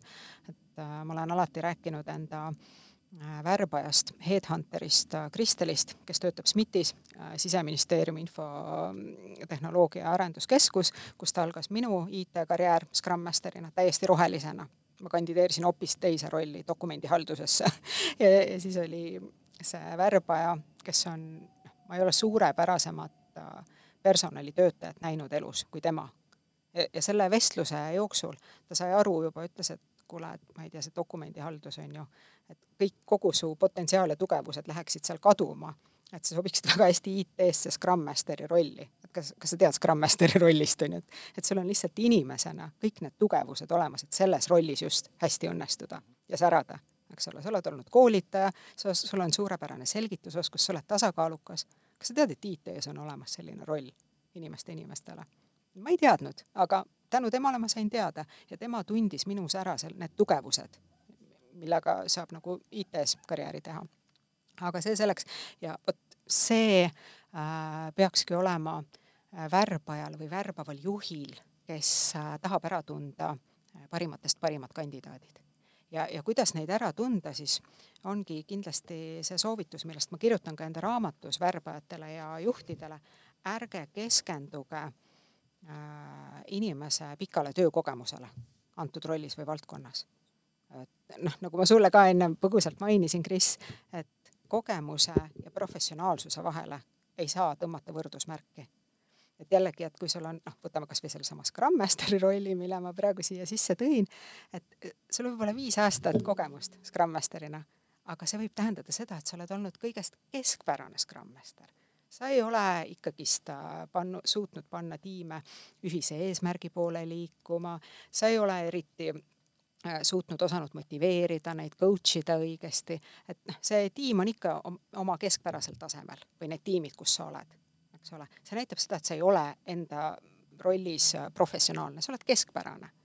aga võib-olla on mõni inimene, kellel on kes alles alustab selles rollis, eks ole, silmad säravad, tal on loomuomased tugevused olemas, tal on baasteadmised olemas ja ta, ta hakkab kohe väärtust looma, tal ei ole vaja viis aastat kogemust selles rollis, eks ole, et see sõltubki kõik inimese äh, sellisest mõttemaailmast, motivatsiooni tasemest, sellest, kes sa oled inimesena, eks ole, kas sul on loomuomased tugevused selles rollis õnnestuda või ei ole. ja, ja tegelikult äh, värvates tunnebki ära, noh, mul on olnud nii palju kandidaate ees, kes kandideerivad, eks ole, kui ma värban rolli. no näiteks andmeinseneri, eks ole, aga IT-valdkonnas. ja siis noh, sul võib ees istuda väga pika kogemusega professionaalne inimene, aga tal on täiesti suletud kehahoiak, oled niisugune noh, ma olen siin, vastan küsimustele ja kõik. aga miks ma peaksin teda värbama, eks ole et, et võib-olla küsin ka mõne lisaküsimuse, et miks sa tahad just siin ettevõttes töötada, et jätame nüüd selle rolli välja. et mida sa tead meie ettevõtte väärtustest? kuidas, kuidas sina nende väärtustega suhestud, et kas sa vaatasid meie väärtused, kas see on nagu sinu asi, mida sa tahaksid teha? ma ei tea okei okay. ja, ja kui mulle tuleb inimene, eks ole, kes ei ole väga kogenud selles rollis, aga tal on algteadmised olemas, ta on teinud juba eeltööd, millest me rääkisime, ta on välja noppinud ettevõtte kodulehelt mingisugused faktid, mida ta küsib ja siis ma kohe rõõmsalt vastan sellele, oi kui lahe on ju, kuidas sa selle leidsid ja ma veel kuulasin seda podcast'i ja ma tean, et te olite seal, rääkisite sellest asjast. sellel inimesel on tõsine huvi. muidugi ma värban tema ja veel eriti, kui ta räägib enda saavutustest, eks ole, ma küsin, mis su suuremad saavutused on, mille üle sa oled uhke, et mis sa siin eelmises äh, töökohas tegid, eks ole, mis sulle meeldis, mis sulle ei meeldinud, on ju, mida sa oleksid teinud teisiti, igasuguseid huvitavaid küsimusi saab nagu välja mõelda selle intervjuu käigus. kuidas inimene räägib, mis inimene ta on? ja tema ongi see professionaal, tema ongi see parim, kes ei kandideeri ainult raha pärast, kes tahab päriselt väärtust luua. no vot äh, ettevõtjad ja tööandjad, kuulake siis ja, ja rakendage siis ka seda poolt. Ähm, nüüd me lähme küll otsapidi meie saate ähm, teise suurema teemani, milleks on see väga spetsiifiline maagilise nimega Scrum Master, aga võib-olla sellise sissejuhatava küsimusena, eh, küsimusena, et enne kui lähme selle juurde, mis see Scrum üldse oma olemuselt on, äh, mida ta igapäevaselt teeb, eks ole, ja nendest muudest muul erinevatest tahkudest ja, ja koolitusest, mida sa tegelikult teed ja kus ma ka osalesin, äh, saame sellest rääkida. aga just äh, seome sellega ära selle poolt just, et äh, kui nüüd ongi, ütleme, olukord, kus inimene, on inimene või inimesi, kes tunnevad, et see ametipositsioon, mis nad täna nagu teevad, ei ole, ei ole nagu see. ja, ja see on mõnes mõttes paratamatu ka, et ma, mina ise ka ei eelda ega ei suuda anda garantiid, et ma teen kümme aastat ühte asja kirglikult. ma olen öelnud äh, siin saates vist korduvalt äh, varasemalt ka, et podcast'i ma paugutan vist küll äh, kümme aastat. aasta tagasi tundus mulle, et see teekond on läbi. täna see läbi enam ei ole. suund on muutunud, on ju, fookus on muutunud, minu salvestamissagedus on muutunud, aga kirg selle asja või selle valdkonna vastu pole mitte kuskile kadunud ja ajas lähen ainult paremaks oma töös. saatejuhina ja, ja kõiges muus ka. aga kindlasti on inimesi, kes tunnevad sedasama asja, et näed see on ennast ära ammendanud aasta, kahe, kolme, neljaga, kümnega. Ehm, või ta on lihtsalt inimene, kes väga hüplikult vahetab ametipositsioone ja otsib alles ennast, mis võib-olla vahet ei ole, mis vanusest ta on, ikkagi otsib ennast, onju. Ehm, ja nüüd mõtleb selle peale, et okei okay,, aga kuhu veel vaadata, onju, ja nüüd ta põmaki potstab otsa kuskile, ma ei tea, sinu kodukale või kuskile mujale ettevõttele, kes pakub siis või toob välja selle, et aa, näed, IT vallas on selline roll, koht, roll, koht olemas, kus sul pole vaja ühtegi infotehnoloogilist teadmist põhimõtteliselt. aga sa pead oskama või suutma suhelda inimestega, olla, olla inimlik inimene. ja neid rolle ma kujutan ette, on kindlasti sellistes sektorites veel, mis ei vaja nagu sellist spetsiifilist haridust. tehnilist haridust, jah. et ähm, kuidas nüüd ähm,, kuidas nüüd siis selliseid võib-olla avastada või, või kuidas nendeni jõuda ja, ja jõuame otsapidi selleni, et miks see, miks see Scrum siis niivõrd ähm, nii nagu sulle pakuti toona, miks ta on üks nendest võimalikest kohtadest, kuhu inimesed võiks oma pilgud täna suunata, sest et see on, nii nagu mina aru saan oma, oma algelise ja arusaamise pealt, ta ikkagi on kasvav sektor, eks ole, ja kasvav roll, mida üha rohkem tuleb ja tekib tõenäoliselt ajas juurde uh. -huh. ma nüüd ei tea täna mahtu öelda, eks ole, siis ütlesid mulle, et siin on niisugune sada kuni kakssada vahemikus olevat Scrum Masterit Eestis, kes töötavad seal omal erinevatel ettevõtetes. noh, võib-olla isegi rohkem. võib-olla isegi rohkem, on ju, prognoosi järgi võiks öelda, et see number viiesajani jõuab üsna kiiresti, võib-olla isegi rohkem, on ju, ja võib-olla kümne aasta pärast on neid tuhandeid siin, on ju. kui mitte siis Eestis, siis kindlasti siin võib-olla, ma ei tea, lähiriikides või Eesti ettevõtetes, kes tegutsevad kuskil mujal mm. -hmm. räägi natuke sellest, et kuidas, kuidas inimene peaks hakkama sinna poole vaatama ja miks ta peaks hakkama selle peale mõtlema, et äkki see Scrum võiks mulle sobida mm. -hmm. jaa. sest see on väga suur muutus, on ju, see on nagu täiesti teine, teine, teine, teine valdkond üldse. jah, IT-valdkond just. ja, ja võib-olla jah, et eh, miks ma, et kuidas see on nagu seotud palgateadlikkusega ja nii edasi, et ma olen viimased kaheksa aastat oma palgatööst siis töötanud just nimelt IT-sektoris. alustasin Scrum Masterina, edasi ma olen töötanud Agile coach'ina ja lõpuks siis olin äh,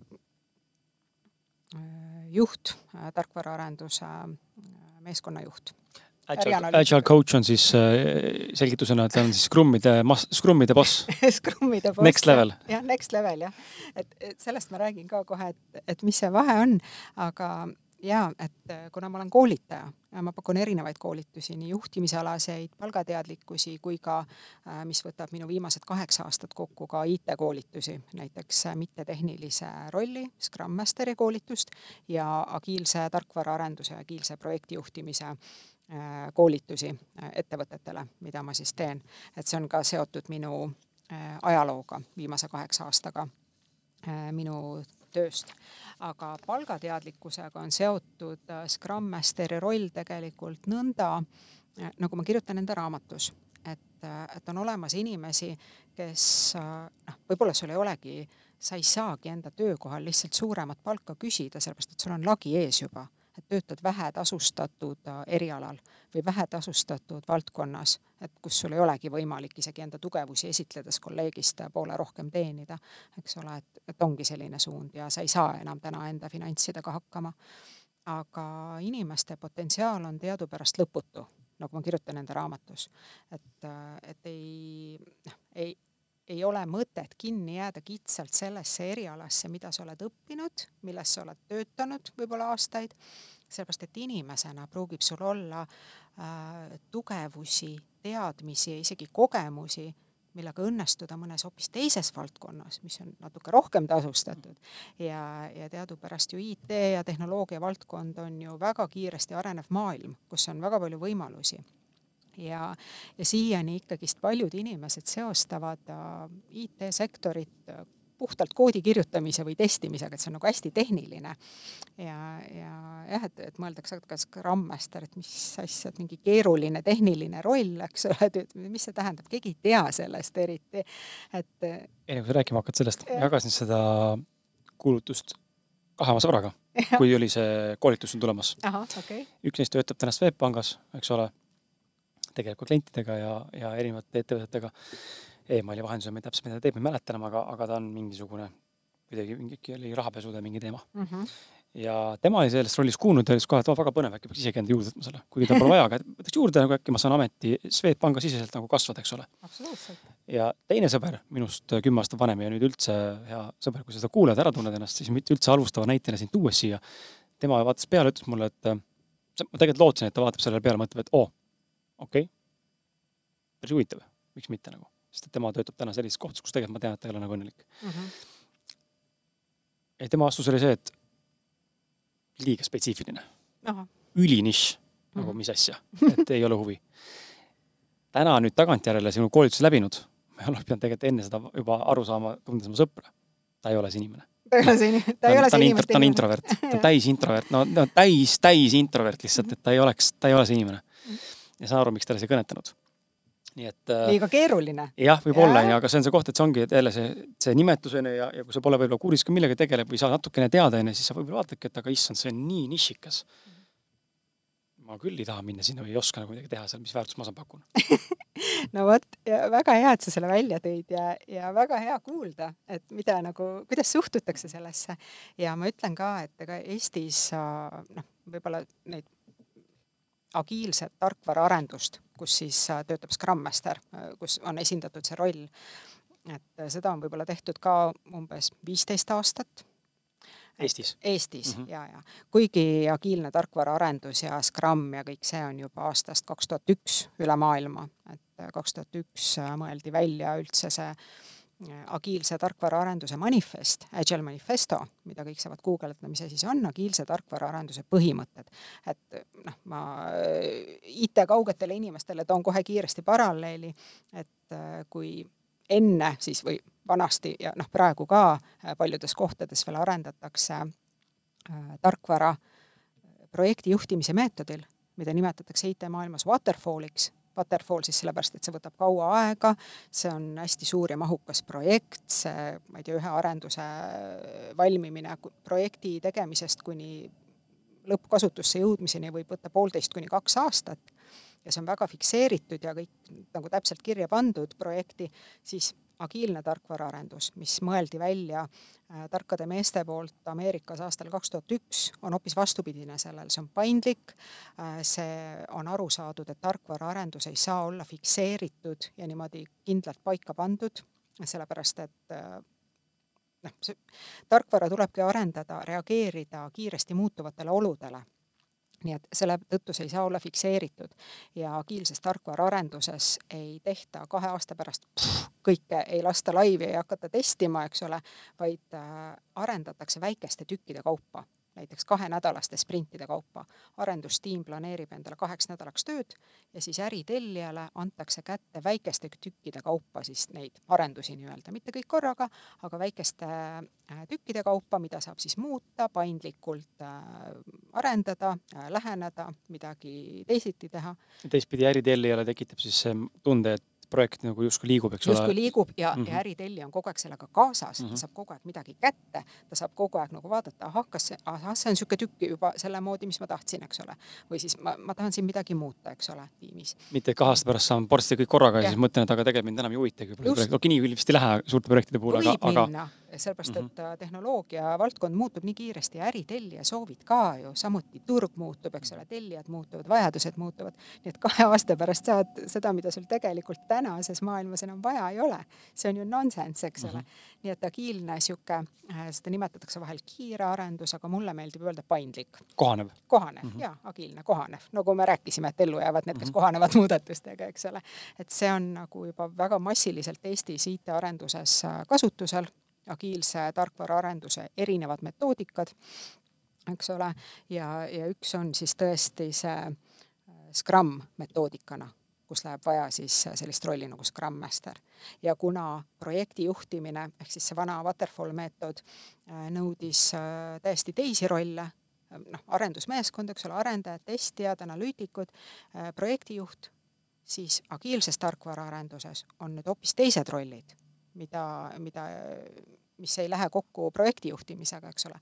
arendusmeeskond, tehniline meeskond küll, tiim, aga uued rollid on siis näiteks Scrum Master, Agile coach, product owner ja need ei ole samad, mis oli projektijuht mm. -hmm nii et siin tulebki see suur erinevus, ehk siis uus, uued metoodikad on toonud sisse uued rollid ja, ja agiilne tarkvaraarendus, et tema põhitõed on ikka, põhitõde seisneb selles, et äh, keskendutakse inimestele, inimestevahelisele suhtlusele nii tiimis sees kui ka äritellija ja arendustiimi vahel. ka IT-maailmas, kujutage ette, on aru saadud, et kõige aluseks on inimsuhted, kommunikatsioon, kommunikatsioon mm, -hmm. läbipaistvus ja koostöö ja sellele keskendubki agiilne tarkvaraarendus. kui me räägime klassikalisest projektijuhtimisest ehk projektist, et siis seal ongi projekt, on kirjutatud algus ja lõpp, eks ole, on projektijuht, kes kontrollib seda kõike, kes võib-olla isegi peab olema mõnikord kuri ja tõukama tiimi tagant, kui tähtajad juba lähenevad, eks ole, et me ei jõua, eks ole, hakkame tegema kiiremini või midagi niisugust. ta vastutab selle eest, et projekt saaks õigel ajal tehtud et projekt saaks tehtud täpselt niimoodi, nagu on projekti sisse kirjutatud küll aga agiilses arenduses selliseid kontrollivaid rolle ei ole. -hmm et ongi äh, rollid äh, tooteomanik, product owner, kes vastutab siis äh, suhtluse eest äritellijaga ja prioriteetide toomise eest tiimi, mida on vaja teha, mida äritellija soovib. Tehniline tiim on see, kes ütleb, kuidas seda tulemust teha, kuidas teha, eks ole, kuidas arendada ja Scrum Master on siis see hea inimene, inimeste inimeste roll Äh, kes coach ib seda arendustiimi, kuidas teha efektiivsemalt, paremini, kuidas õppida tehtud tööst, kuidas enda tööd hinnata, kuidas reaalselt planeerida töid ja kuidas tiimina efektiivselt kokku töötada. Mitte läbi põleda seejuures. mitte läbi põleda ja mitte sundida kedagi. ehk siis äh, jah, ja, ja, ja selline roll on Scrum Master äh,, mis, milles ma ise olen selles rollis olnud äh, kaua aastaid Äh, töötanud arendustiimidega, neid juhtinud, coach inud, toetanud, et ma tean seda kõike läbi ja lõhki. ja agiilne tarkvaraarendus iseenesest inimestekeskne, inimeste koostööle üles ehitatud mm, toimetamise viis, et agiilne mõttemaailm, ma kannan ise seda igapäevaselt, et olen sealt üle võtnud väga palju. Ma elan niimoodi, et see ei ole mingisugune, mis on minu IT minevikku jäänud, et ma tõesti elan agiilset mõtteviisi kasutades ja olen seda hästi palju toonud ka enda raamatusse sisse, ka IT-kaugetele inimestele, sellepärast et agiilsest mõtteviisist saab tuua nii palju praktikaid ja kasulikke äh, toimetamise viise enda igapäevaellu. sellest me räägime saate lõpus ka veel. jah, väga hea. siia veel ei lähe. Äh, aga äh, lisaküsimus, täitsa spontaanselt tekib küsimus, et okei okay,, product owner valib äritellija kaudu või äritellijate käest siis, mis projekte vastu võetakse vastavalt tiimi võimekusele ja ajale ja kõige muule, eks ole. Ja mulle meeldis see lause, mis, see sõna, ka velocity ehk siis justkui mm -hmm. nagu maht või võimekus, võimekus. tööd ära teha, onju. Mhm. Mm. aga kas mõnikord tehakse ka niimoodi, et töö võetakse vastu äh, Äh, lähtudes tiimi kasvust. Näiteks, et oletame, ma tunnen product owner'ina, et näed, tiimile on ülivajalik, et nad oskaks teha seda asja mm. -hmm. ja ma tean, natuke oskavad, aga neil on mingid kogemused puudu, et järgmiste äritellijatele parem teenust pakkuda. võtame selle praegu vastu, see on raskem projekt, nad peavad ennast ületama, õppima samal ajal. võib-olla ma võtan kuskil täiendkoolituse neile juurde, onju, aga võtame selle projekti vastu mm. -hmm. kas niimoodi vaadatakse ka või vaadatakse alati selle seisukohast, et ikkagi tiim saaks hakkama ja minnakse mõnes mõttes nagu seda turvalist teed mm. -hmm. ikkagist hinnatakse mm, -hmm. et alati sellest äh, äri, äritellimusest, äh, noh, äritellimus ütlebki, et missugune võimekus peab tiimil mm -hmm. olema ja võib-olla on vaja, noh, ehk siis äritellija tahab saada tulemust, et ta ei taha oodata, et, et millal tiim hakkab õppima või midagi tegema, eks ole. nii et äh, kui tellimus vajab mingisugust konkreetset teadmist või võimekust, mis täna sellel tiimil puudub, näiteks UX disaini, UI-d äh, konkreetse asja jaoks, mida ennem ei olnud tiimis, siis see roll võetakse juurde, palgatakse juurde, ostetakse sisse, näiteks. Äh, sina ütlesid mulle sellise vahemärkusena kuulajatele, sina ütlesid mulle siin, kui ma seda koolitust hakkasin piksemalt vaatama sinnapoole ja päriselt mõtlema selle peale, või ma ei mõelnudki, mul oli see otsus tehtud, kuna sa kaks aastat tagasi istusid minuga laua taga, mitte küll siinsamas ruumis, aga aga rääkisid mulle tollal juba Scrum Masterist, siis tol hetkel mind see niimoodi ei, ei köitnud ja pluss ma olin seotud ka tegelikult sellesama Cleansify äh, tegemistega. aga siis äh, nüüd äh, mul mõttekohta nagu justkui mõnes mõttes ei olnud, mul ei ole hetkel aega mõelda, mul on vaja ehitada, ehitada sissetulek endale ülesse või kõrvale midagi toetavat, turvalisemat mm, palgatöölisena nii-öelda siis. ja teistpidi pakkus mulle tohutu huvi kohe see. ju siis ma olen täna võib-olla valmis rohkem selleks, kui ma olin kaks aastat tagasi, ma ei tea äh, aga sina mainisid seda ka mulle, et seal on, et Austraalia on väga suur riik, kus tegelikult seda rakendatakse, mis minu jaoks oli väga suur üllatus mm. -hmm. ja just sellepärast, et äh, kahel põhjusel. esiteks on see, et kui mina Austraalias olin, no see oli nüüd kaheksa aastat tagasi. kaheksa aastat tagasi. umbes niimoodi mm. -hmm. no see tänaseni ma saan aru, saan aru mõnes mõttes, et see on veel niimoodi, et seal emailid, IT, midagi digitaalsed allkirjad, need, need, need, need, nagu ei toimi, see on nagu non-essential on ju. ja samal ajal sa ütled, et ta on nagu agiilses maailmas olnud vägagi eesrinnas, eks ole, väga suuresti võetakse seda asju, ma kohe vaatasin huvi pärast järgi. See on informatsioon neile, kes siin podcast'i kuulavad, kes on Austraalias või kes mõtlevad Austraaliasse minna, siis äh, kuna mina ise mõtlen ka veel sinna minna äh, järgmisel aastal, siis äh, Austraalia pakub isegi sponsorviisat eelmisest aastast alates Scrum Masterite rollile. vaat, vaat mis kõik Kris on juba välja uurinud. Ja need, kuidas sinna saada, ma ei tea, aga ma nägin lihtsalt, et see on olemas avalik info valitsuse leheküljel, et pakutakse sponsorviisat ja need palgad seal ikkagi on, panevad mõtlema no kui e-, eestlaste jaoks on juba IT-sektori palgad äh, päris kõrged, eks no just, ole. me räägime Austraaliast heaoluühiskonnast, et noh, need olid seal ikka eurodes üheksa tuhat keskmiselt oli stardipauk nii-öelda läävak onju, kuus. mm.. Muidugi see Austraalia koht võib-olla nii suur ei ole, aga ta ikkagi on kõvasti suurem, kui on seal noh, muud ümberringi olevad muud tööd onju. et see on koht, mille võib-olla mõelda, aga. aga Kris, vaata, kui sa kaheksa aastat tagasi ütlesid, et sa ei noh, et sulle tundus, et nagu äh, tehnoloogilise arengu mõttes, et Austraalia on täiesti mm -hmm. nagu mhm. kuskil sadade aastate kaugusel on ju. sa ei olnud IT-sektoris. just, just, ja seda sa ei näinud, et mhm. tegelikult mm -hmm. IT-sektor on Austraalias väga arenenud ja just austraallaste poolt on ka mõeldud välja Atlassiani programmid ja tööriistad, äh, Jira, Confluence, millega Scrum Masterid mm -hmm. ja mhm. IT-tiimid just igapäevaselt toimetavad, just see on tulnud Austraaliast. Äh, tuleme selle, tuleme selle teema juurde ülipõnev minu jaoks ausalt, ma tajun, et siin on minul endal isiklik väga suur huvi, mitte ainult nagu sinuga sel teemal vestelda, aga mõtlen üldse selle ametile vastu.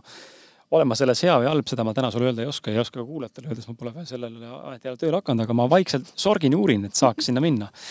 aga eh, tõesti tundub väga nagu põnev olevat, et äh, võtaks äh,. oota, Kris. jah kuna sa mainisid ise seda, et kaks aastat tagasi ma rääkisin sulle Scrum mhm. Masteri rollist, kui ma olin sinu podcast'is mm -hmm. hoopis teise teemaga, eks ole mm -hmm sellepärast, et mina olen ju inimeste inimene ja mina mm -hmm. olen olnud, töötanud inimeste juhina. ma tunnen ära need talendid mm -hmm. ja ma lihtsalt ütlesin sulle, et Kris, kas sa tead midagi Scrum Masteri rollist okay.? et sul, sul on inimesena loomuomaselt kõik tugevused olemas, et selles rollis õnnestuda lihtsalt nagu viskasin selle mm -hmm. kinda, et kui sa kunagi peaksid tahtma tulla IT-sse, onju, Scrum Masteri roll, rusikas silmaauku sinu jaoks, sa oled inimeste inimene, sa oled tasakaalukas, sa oskad selgitada, sa oled põhjalik kõik see, mis Scrum Master vajab mm -hmm.. sellepärast ma rääkisin sulle sellest ja noh, täna, ega ma ei teadnud ka kaks aastat tagasi, et kaks aastat hiljem ma hakkan ise Scrum Masteri koolitusi mhm, pakkuma mm. -hmm. kus just. ka sina käisid no,. just. Äh, nojah, toona sa ei pakkunudki seda koolitust, on ju. et just, just, et kui huvitav. Äh, aga, aga teeme võib-olla sellise, kuna ma ei taha siin ähm, selle Scrum Masteri peatükiga kiskuda lahti sinu kolmepäevast koolitust, on ju, mida sa tegelikult ilusti väga efektiivselt ja, ja väga hästi teed ähm, selleni, kuidas seal osaleda, me jõuame kohe ka, kui me oleme läbi käinud mõned punktid. aga teeme niisuguse väik-, igale küsimusele mõned sellised, äh, mitte mõnes mõttes nagu halvaga pinnapealsed, aga, aga lihtsamakoelised vastused ilma väga sügavuti minemata. Äh, räägime esiteks valearusaamistest, et äh, mis on Scrumi igapäevatöö ja mis ta ei ole. võib-olla mõned näited, et noh, sa ütled inimeste inimene, onju mulle väga meeldib, kuidas sa koolitusel tõid välja selle, et ta ei ole sekretär, kuigi see on see, mis paljudel, nagu ma aru saan, seal sees olles võib-olla tekib tunne, on ju, et Scrum Master peaks nagu justkui seda tiimi ülal hoidma erinevates tingimustes, on ju, erinevates oludes, erinevates varjundites, Fifty Shades of Grey, on ju. Mhm. ja teistpidi jällegi, kes siin võib-olla kõrvalt kuulab, on ju inimeste inimene, siis ongi kohe see, et aa, ma pean siis hakkama mingeid lepinguid koostama või asju tegema, et siis noh, et ma olen mingisugune büroo mingi see kontorihall siis või mis ma siis olen, on ju. et mis sa tegelikult teed seal siis ja mida sa tegelikult ei tee see on väga oluline küsimus, millest üldse alustada, eriti kui me räägime IT kaugetest inimestest, üldse agiilse tarkvaraarenduse kaugetest inimestest ja üldse see nimetus Scrum Master on ju nagu mingi võluri nimi, eks ole, et see paljudele ei ütle mitte midagi. aga nüüd me oleme juba natukene seda tausta avanud, kus seda Scrum Masteri rolli esineb, eks ole. Äh, ja, ja tõepoolest, kuna nagu ma mainisin ennem ka, et äh, agiilset tarkvaraarendust ja, ja neid äh, Scrumi tiime on võib-olla Eestis alles äh, viisteist aastat, viimased viisteist aastat. et see sissejuurutamine, kõik see nagu võtab väga kaua aega, eks ole, et kui me tuleme vanaaegsest projektijuhtimise maailmast ja kogu sellest loogikast, see võtab aega ja tihtipeale Scrum Master ongi äh, valesti mõistetud roll. et miks ka noh, mõnikord IT-tiimid, kes alustavad äh, teevad läbi selle transformatsiooni, et me jah, et projekti juhtimine võtab kaua aega, et nüüd hakkame agiilselt arendama, see on kiirem ja paindlikum ja efektiivsem, eks ole, täidame need rollid ära, meil on arendajad, eks ole, meil on tootemeedik, Scrum Master, teda pole vaja. et noh, mis noh, me saame ise ka hakkama, meil ei ole mingit coach'i vaja, et lihtsalt teame, mida teha ja ja siis äh, tulistavad endale jalga sellega, et äh, no vot, Scrum on metoodika mida arendusmetoodikuks töötatakse kahenädalaste sprintidega.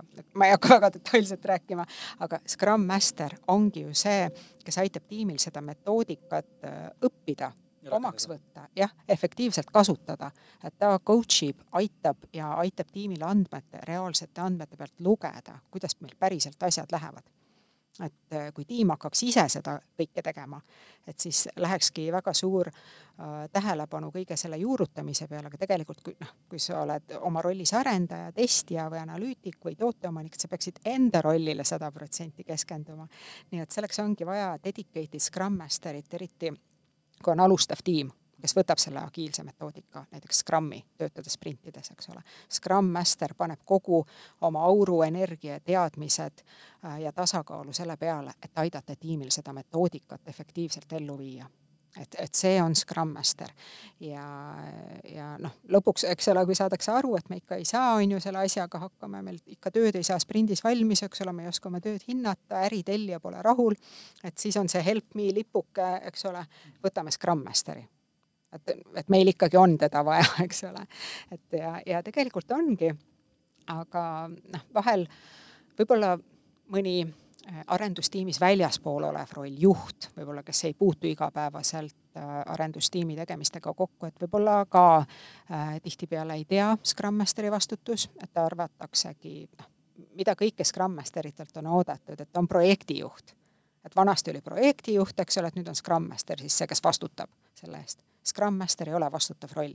ta on tiimiliige nagu kõik teised ja tegelikult agiilsete tiimide puhul ongi kõige äh, õiglasem ja kõige toredam see, et äh, juhtivaid või vastutavaid rolle ei ole. terve tiim vastutab tegelikult tulemuse eest ehk siis Scrum Master on see, kes coach ib, kes aitab omaks võtta neid metoodikaid, kes aitab tiimile peegeldada, kuidas meil läheb ja läbi selle ähm, innustab õppima tiimi äh, ja siis äh, koos õpitakse ja tuuakse tulemusi. ehk siis äh, kõik rollid on võrdsed, ongi arendustiim, et ei ole projektijuhti, ei ole tiimijuhti seal. see on minu meelest hästi kihvt punkt, mis mulle nagu kohe kõrvu jäi, kui ma esimest korda seal koolitusel olin et ei ole juhtivaid rolle. ta on võrdsed ja, ja.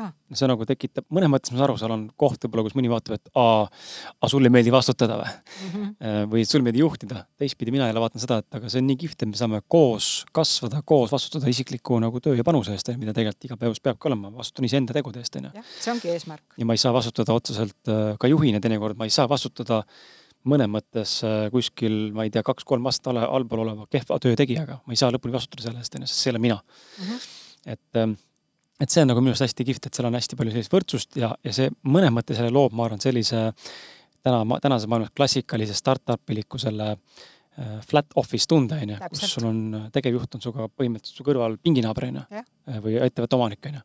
et te olete nagu võrdsed, noh, tegelikult sa ju tead, et tema on su tööandja lõppude lõpuks onju, aga, aga, aga tunne on selline, et me oleme tegelikult nagu inimlikul tasandil võrdsed. inimestena olemegi võrdsed. täpselt, sa ütlesid õigesti, inimestena oleme võrdsed mm -hmm. ja vastutame võrdselt äh, tulemuse eest. ehk siis äh, see ongi see, et äh, noh, need äh, Scrum tiim või need arendustiimid ongi just äh, selle mõttega väikesed, et on kolm kuni kaheksa liiget siis selles tiimis tavaliselt, et info liiguks kiiremini kõik on võrdsed, et tiim saaks kiiremini reageerida muudatustele, äh, läbi arutada, koostöös midagi otsustada et see on kõik, see ongi see flat äh, nagu noh, et seal mm -hmm. ei mhm. ole mingisuguseid juhte eraldi vahel, ongi arendustiim, kes kiiresti toimetab, koos otsustab, õpib koos äh, tehtud eksimustest ja saavutab üheskoos tulemusi. et sellepärast noh, et äh, miks ma ütlen, et Scrum Master on mõne, mõnikord valesti mõistetud roll, et ka noh, kui keegi väljaspool seda tiimi, siis noh, näiteks juht, kes ei puutu igapäevaselt kokku, noh, teab küll, et Scrum Master jah, niisugust rolli on vaja, on ju, ja siis võib-olla eeldab, et äh, Scrum Master vastutab ka tulemuste eest. aga kes siis vastutab, on ju, et kui tiim ei saa tehtud neid asju. aga Scrum Master ei ole see, äh, kes vastutab, eks ole tulebki nagu selgeks teha, et mis rollid selles tiimis on ette nähtud, et miks nad on ette nähtud ja mis on nende vastutus. et mõnikord mõeldakse, et ka, et Scrum Master on ürituste korraldaja. et noh, nagu assistent, eks ole, et tiim ütleb, et oh, tahaks mingisugust üritust, on ju, tiimiüritust, et Scrum Master, et korralda aga kes on kunagi ürituste korraldamisega tegelenud, nagu mina näiteks olen kunagi töötanud assistendina, eks ole, olen korraldanud nii suuremaid kui väiksemaid firmaüritusi, tiimiüritusi, ettevõtteüritusi, suvepäevi, talvepäevi. et see on tegelikult väga suur vastutus, see võtab väga palju aega, et otsida mingisugused kohad üles, teha pakkumine, nii tiim, kas me oleme siia, kas me oleme sinna, mis kuupäevad sobivad, eks ole, siis tuleb see, ma ei saa tulla, eks ole, ma saan sellel kuupäeval. see on see ei ole Scrum Masteri roll neid üritusi korraldada. et jällegi, kuna me räägime, et tiim on võrdne, et siis äh, selle ürituse või mingisuguse vahva idee võib välja pakkuda igaüks tiimist. ja siis lihtsalt koos otsustatakse ja minnakse. see ei ole Scrum Masteri ülesanne, ürituste korraldamine. Scrum Masteri ja, ja noh, samuti ei ole projekti juhtimine, inimeste kontrollimine, kes mida teeb, eks ole, ütlema arendajatele, et kuule, et sa peaksid nüüd seda tegema või teist asja Scrum Master, mis mulle selle rolli puhul meeldib ka ja mida ma alati nagu enda koolitustel ka räägin või kui ma olen mentordanud uusi Scrum Mastereid ka, Scrum Master on alati hea. ta ei ole kuri, ta ei nõua midagi, ta ei sunni tiimi, ta ainult coach ib, toetab ja aitab efektiivsemaks saada. kas see pole mitte tore, selline roll IT-s? ehk siis äh, jaa, et Scrum Master äh, on selline hea ja tasakaalukas roll, kes aitab tiimil õnnestuda, kes on ise äh, eeskujuks, et öeldakse Scrum Guide, Scrum Guide'i järgi, et Scrum Master on true leader. et sa oled tegelikult see eeskuju, sul ei ole seda äh, silti, et sa oled juht, aga tegelikult sa coach'id, toetad ja juhid seda tiimi äh, parema, tulemuslikuma äh, koostööni. ja, ja mõnikord, kui ma vaatan Scrum Masteri kuulutusi siis, et on nõutud, et eelnev projekti juhtimise kogemus. et jällegi, et võib-olla Scrum Masteri roll ei seostu mitte kuidagi projektijuhiga. projektijuhil on vaja hoopis teistsuguseid tugevusi kui Scrum Masteril, et peabki olema hästi täpne, eks ole, kiire, jälgima eelarvet, eks ole, võib-olla olema natuke kuri, tagant torkima, kui tähtajad hakkavad lähenema. Scrum Masteril ei ole vaja neid tugevusi, mis projektijuhil. Scrum Masteril on vaja tasakaalukust inimeste toetamise oskust, selgitamise oskust, see on põhiline, sa pead selgitama, äh, mis asi on agiilne tarkvaraarendus, mis asi, mis on sprindid, mis on selle mõte, mis on stand-up'id, et kõik need Scrum metoodika vajalikud event'id, miks nad on, et neid ei saa teha lihtsalt by the book, sest et Scrum näeb ette et siin on sellised asjad, on ju, me peame neid tegema. sa pead suutma selgitama igale tiimiliikmele, miks me seda teeme, mis on selle väärtus, mis peab siin välja tulema peab olema selgitamisoskus. igal inimesel ei ole seda selgitamisoskust. projektijuhil ei ole vaja võib-olla selgitamisoskust, et tal on vaja seda äh, projekti juhtida ja tulemusi tuua õigeks ajaks. ehk siis need on need tugevused, äh, mis võivad olla ka inimesel, kes ei ole üldse IT-valdkonnas ennem tegutsenud. ja tegelikult äh, ma olen enda kogemuses näinud ümberõppe vormis või valdkonna vahetamise vormis, et hästi head Scrum Masterid tulevad teinekord näiteks endistest personalitöötajatest, õpetajatest, tegevusterapeutidest, ehk siis kes nagu noh, loomuomaselt juba ongi need inimeste inimesed. sa oled tasakaalukas, kannatlik, hea selgitusoskusega, sa oskad inimesi motiveerida, toetada, kõike seda on vaja edukal Scrum Masteril ta kõlab äh, oma kirjelduselt või sinu kirjelduse alusel väga selliselt äh, üsnagi coach iliku rollina. ja see on nüüd see koht võib-olla mõne mõttes, kus ongi selline, võib-olla tekib äh, kuulajal ka ähm, teadmatusest või kogenematusest või eelarvamuste põhjal see tunne, et see on väga vastutusrikas roll. ja noh, mõnes mõttes ta ju on ka, et, ähm, et äh, inimestel peab ju hea olema ja, ja see on nagu ma näinud ka, väga paljud coach'id ka teinekord ja ma enda ise mõtlen ka selle peale, et kui ma peaks olema coach, ma olen kunagi mõelnud psühholoogiks hakkamisest, tohutult pakkunud huvi niisugune asi, inimestega suhtlemine. ja võib-olla see on ka, miks ma podcast'e teen, sest mulle meeldib see selline intiimne üks-ühele hästi vahetu nagu vestlus ähm,. aga ma olen alati mõelnud selle peale ka, et minu suurim hirm vist on see, et ma ei oska inimest aidata. et äh, noh, et kui ma olen coach, eks ole, või terapeut või ta ei saa abi, siis ma olen nagu läbi kukkunud nagu, et kas ma ei osanud hästi teda tundma õppida, ei näinud nagu läbi teda mingit asjadest onju või ei osanud talle pakkuda lahendusi vastavalt äh, tema personaalsele lähenemisele. ja mõnes mõttes tekib seal võib-olla selline arusaamine, et see on hästi vastutusrikas roll et äh, kui kellelgi on probleem, millega ta sinu poole pöördub, on ju, tööalaselt, ja sa ei oska seal lahendust pakkuda, noh, siis sealt ei tekigi usaldust, on ju, võib-olla rohkem ta ei pöördu, on ju. et ähm, kuidas nagu selliste mm, olukordadega võib-olla siis ütleme, selles vallas toime tulla või üldse ähm, jah, kuidas tulla toime sellega? selle hirmuga võib-olla või sellise sooritusärevusega mõne mõttes, just nagu selles konkreet-, konkreetses äh, erialase valdkonnas mm. -hmm. ja aga Scrum Master ongi natukene nagu tiimipsühholoog ka, et selles suhtes, et esiteks sa pead oskama lugeda ruumi mm, -hmm. Teiseks selleks, et keegi, noh, vot sa coach idki, sa coach'id Scrumi metoodikana või mingisugust teist agiilset metoodikat võib-olla, äh, mida arendustiim kasutab, neid on veel, Scrum on üks, et äh, keskendume siis sellele.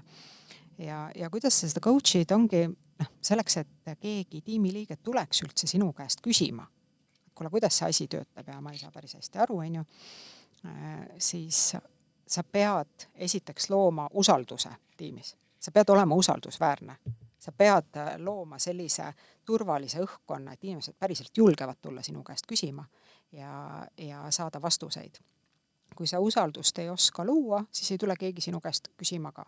aga noh, see usalduse loomine on omaette protsess, et see ei tule ise niimoodi, eks ole, et nüüd tuled, ma tulin teile Scrum Masteriks ja nüüd kõik usaldage mind, ei, see ei lähe niimoodi, eks ole, et see, seda tuleb kasvatada teadlikult.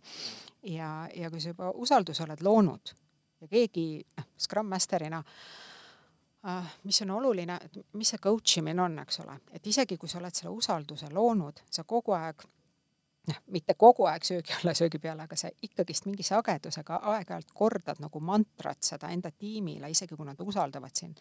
kui kellelgi on küsimusi, ma olen olemas, kirjutage, räägime, eks ole, et kui noh, see asi, mis ma rääkisin, eks ole, et, et võib-olla tekib küsimusi, võib-olla on mingit selgusetust, ma olen olemas, tulge, küsige, eks ole. ja selle, seda sa peadki kogu aeg korrutama ja päriselt olemas olema. Ja, ja kui tiimiliikmed tulevad küsima, et noh, ma, mul on endal olnud ju selliseid arendustiime, kus äh, ma olen töötanud kolmes erinevas IT-ettevõttes ja seitsmes erinevas äh, tootetiimis, arendustiimis nii Scrum Masteri kui Agile coach'ina äh, ja juhina ka äh, lõpuks. ja äh, mul on olnud tiime, kes täiesti nullist alustavad alles seda Scrumi metoodikat, kes ei tea mitte midagi agiilsest arendusest, kes ei tea midagi Scrum Masteri rollist ega sellest üldse, mis need kahenädalased sprindid endast kujutavad. ja Jira, see Austraalias leiutatud Atlassiani tööriist, ka see on nende jaoks uus maailm seepärast et vanasti hoiti toote backlogi Exceli tabelis, eks ole, täiesti kõik uus nullist. ja, ja sellises tiimis sa peadki keskenduma sada protsenti, sul ei tohi olla kõrval veel teist-kolmandat tiimi, kui on täiesti nullist alustav tiim, eks ole. ja sa peadki nende jaoks päriselt olemas olema. hästi oluline on luua see usaldus, eh, sest Scrum Masterina sa pead aru saama, kas iga tiimiliige on aru saanud sellest, mida me teeme samamoodi. Muidu me ei saa oodata sama tulemust, eks ole, kui üks mõtleb, et, et daily stand-up'id on aruandmine, eks ole, teine mõtleb, et see on detailne arutamine mingisuguste arenduste osas, eks ole, see ei ole. see on kiire ülevaade, kuidas sul enda töödega läheb, eks ole, kas on takistusi ja, ja Scrum Master peab veenduma, et kõik saavad sellest ühtemoodi aru. ja, ja kui mõni inimene ei saa aru, ta kirjutab ja küsib sulle, eks ole selgitad talle, küsid küsimusi, kuidas sulle tundus, kas sa said nüüd aru, eks ole, ei saanud ikka päris täpselt ja mulle jäi see segaseks, siis sa selgitad talle teist korda, kolmandat korda. et äh, see ongi Scrum Masteri töö tegelikult äh, ja vastutus. ja, ja isegi vaata, kui tuleme tagasi selle juurde, mis sa ütlesid, et, et sinu hirm on olnud see, et, et sa tahaksid olla coach või isegi psühholoog, aga mis siis, kui sa ei suuda inimest aidata? mis siis, kui sa ei suuda ta küsimusele vastust anda? ehk siis Scrum Master ta ei anna vastuseid tehnilistes detailides, Scrum Master ei ole tehniline roll, ta annab vastuseid selles Scrumi metoodikas ja selles, mis on nende tegevuste mõte, mis siit peab välja tulema, eks ole, kuidas efektiivsemalt koostööd äh, teha. et kõiges selles äh, oskab Scrum Master aidata kindlasti ja mitte alati. et, et vahel ongi niimoodi, et äh, nagu me rääkisime ka alguses, et kõigile küsimustele ei olegi alati vastust ja kõigele ei peagi kohe vastama. et äh, Scrum Masteri töö tähendab ka seda, et noh, kuna Scrum on metoodikana juba tegelikult juba isegi seitsmekümnendatel räägiti Ameerikas nagu agiilse arenduse põhimõtetest, eks ole, noh, kirja pandi kaks tuhat üks. et siis sealt läks see kõik äh, stardi, stardipauk käima ametlikult, aga et kuna neid agiilseid metoodikaid on juba maailma praktikas nii palju rakendatud, õpitud ja edasi arendatud ja, ja tehtud, et siis Scrum Masteri roll on ka see, et tiimiliikme küsimusele, et kui see on keeruline, kui sa ise ei tea vastust, siis öelda, et aga tead, ma natuke guugeldan ja loen vaatan, mis maailma praktikas on tehtud, mis teised Scrum Masterid selle kohta ütlevad, kuidas teised on lahendanud selle probleemi, ma räägin enda ametivendadega ka näiteks, võib-olla kas või samast ettevõttest teiste Scrum Masteritega. et äh, tihtipeale sa pead seda vastust otsima ka. ja tegelikult isegi tarkvaraarendajad, noh, mu elukaaslane on äh, tarkvaraarendaja, eks ole, et ka isegi koodi kirjutamise teemadel sa pead tihtipeale guugeldama ja, ja vaatama ja otsima neid vastuseid selleks, et et jõuda selleni, mida sinul on vaja lahendada. nii et Scrum Master teinekord ka guugeldab, otsib vastuseid ja loeb mingisuguseid artikleid, kuulab podcast'e, loeb raamatuid, et vastata tiimile, et jõuda äh, sellisele äh, lahendusele. räägime korraga natukene ütleme sellistest äh, sobivatest isikuomadustest mõnes mõttes natukene puudutasime neid siin põgusalt, aga äkki sa oskad välja tuua sellised üks, kaks, kolm, neli erinevat isikuomadust, mis ähm, võiks olla olemas, mis annavad sellise mõnusa eelduse ja soodu-, soodumuse, äh, esiteks saada läbi siis intervjuu äh, faasist, on ju, kui see faas peaks olema, võib-olla läheb sul nii hästi, nagu läks äh, sinul, on ju. et tuntakse ise ära see talent. ja kutsutakse, luuakse töökohta, on ju aga et oletame, et ikkagi kandideerid sinna ja sa oled seal veel erinevate nende skrummidega, alustavate skrummidega või juba olemasolevate skrummide või mingi muu infoga koos ühes potis ja nüüd siis on see koht, on ju, et ja teistpidi siis ka arusaamine, kas ma üldse tahan selles suunas hakata vaatama, et kas minus on need olemas.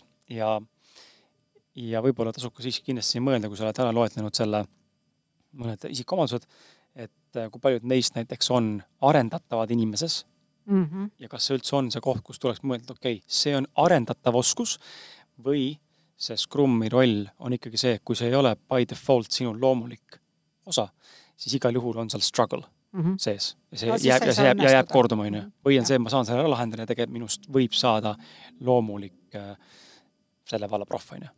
okei okay noh, mis peaksid, ma mõtlen kohe, et, et mis need äh, kolm-neli põhilist omadust on, äh, mis peaksid olema selleks, et õnnestuda hästi Scrum Masteri rollis, et mitte lihtsalt täita seda by the book, on ju, teha oma tükki, vaid et teha seda hästi ja efektiivselt, et tervel tiimil, äritellijal ja et oleks sellest kasu, eks ole. inimesena Scrum Masteril peab kindlasti olema ta peab olema loomuomaselt tasakaalukas inimene, mhm. tasakaalukas.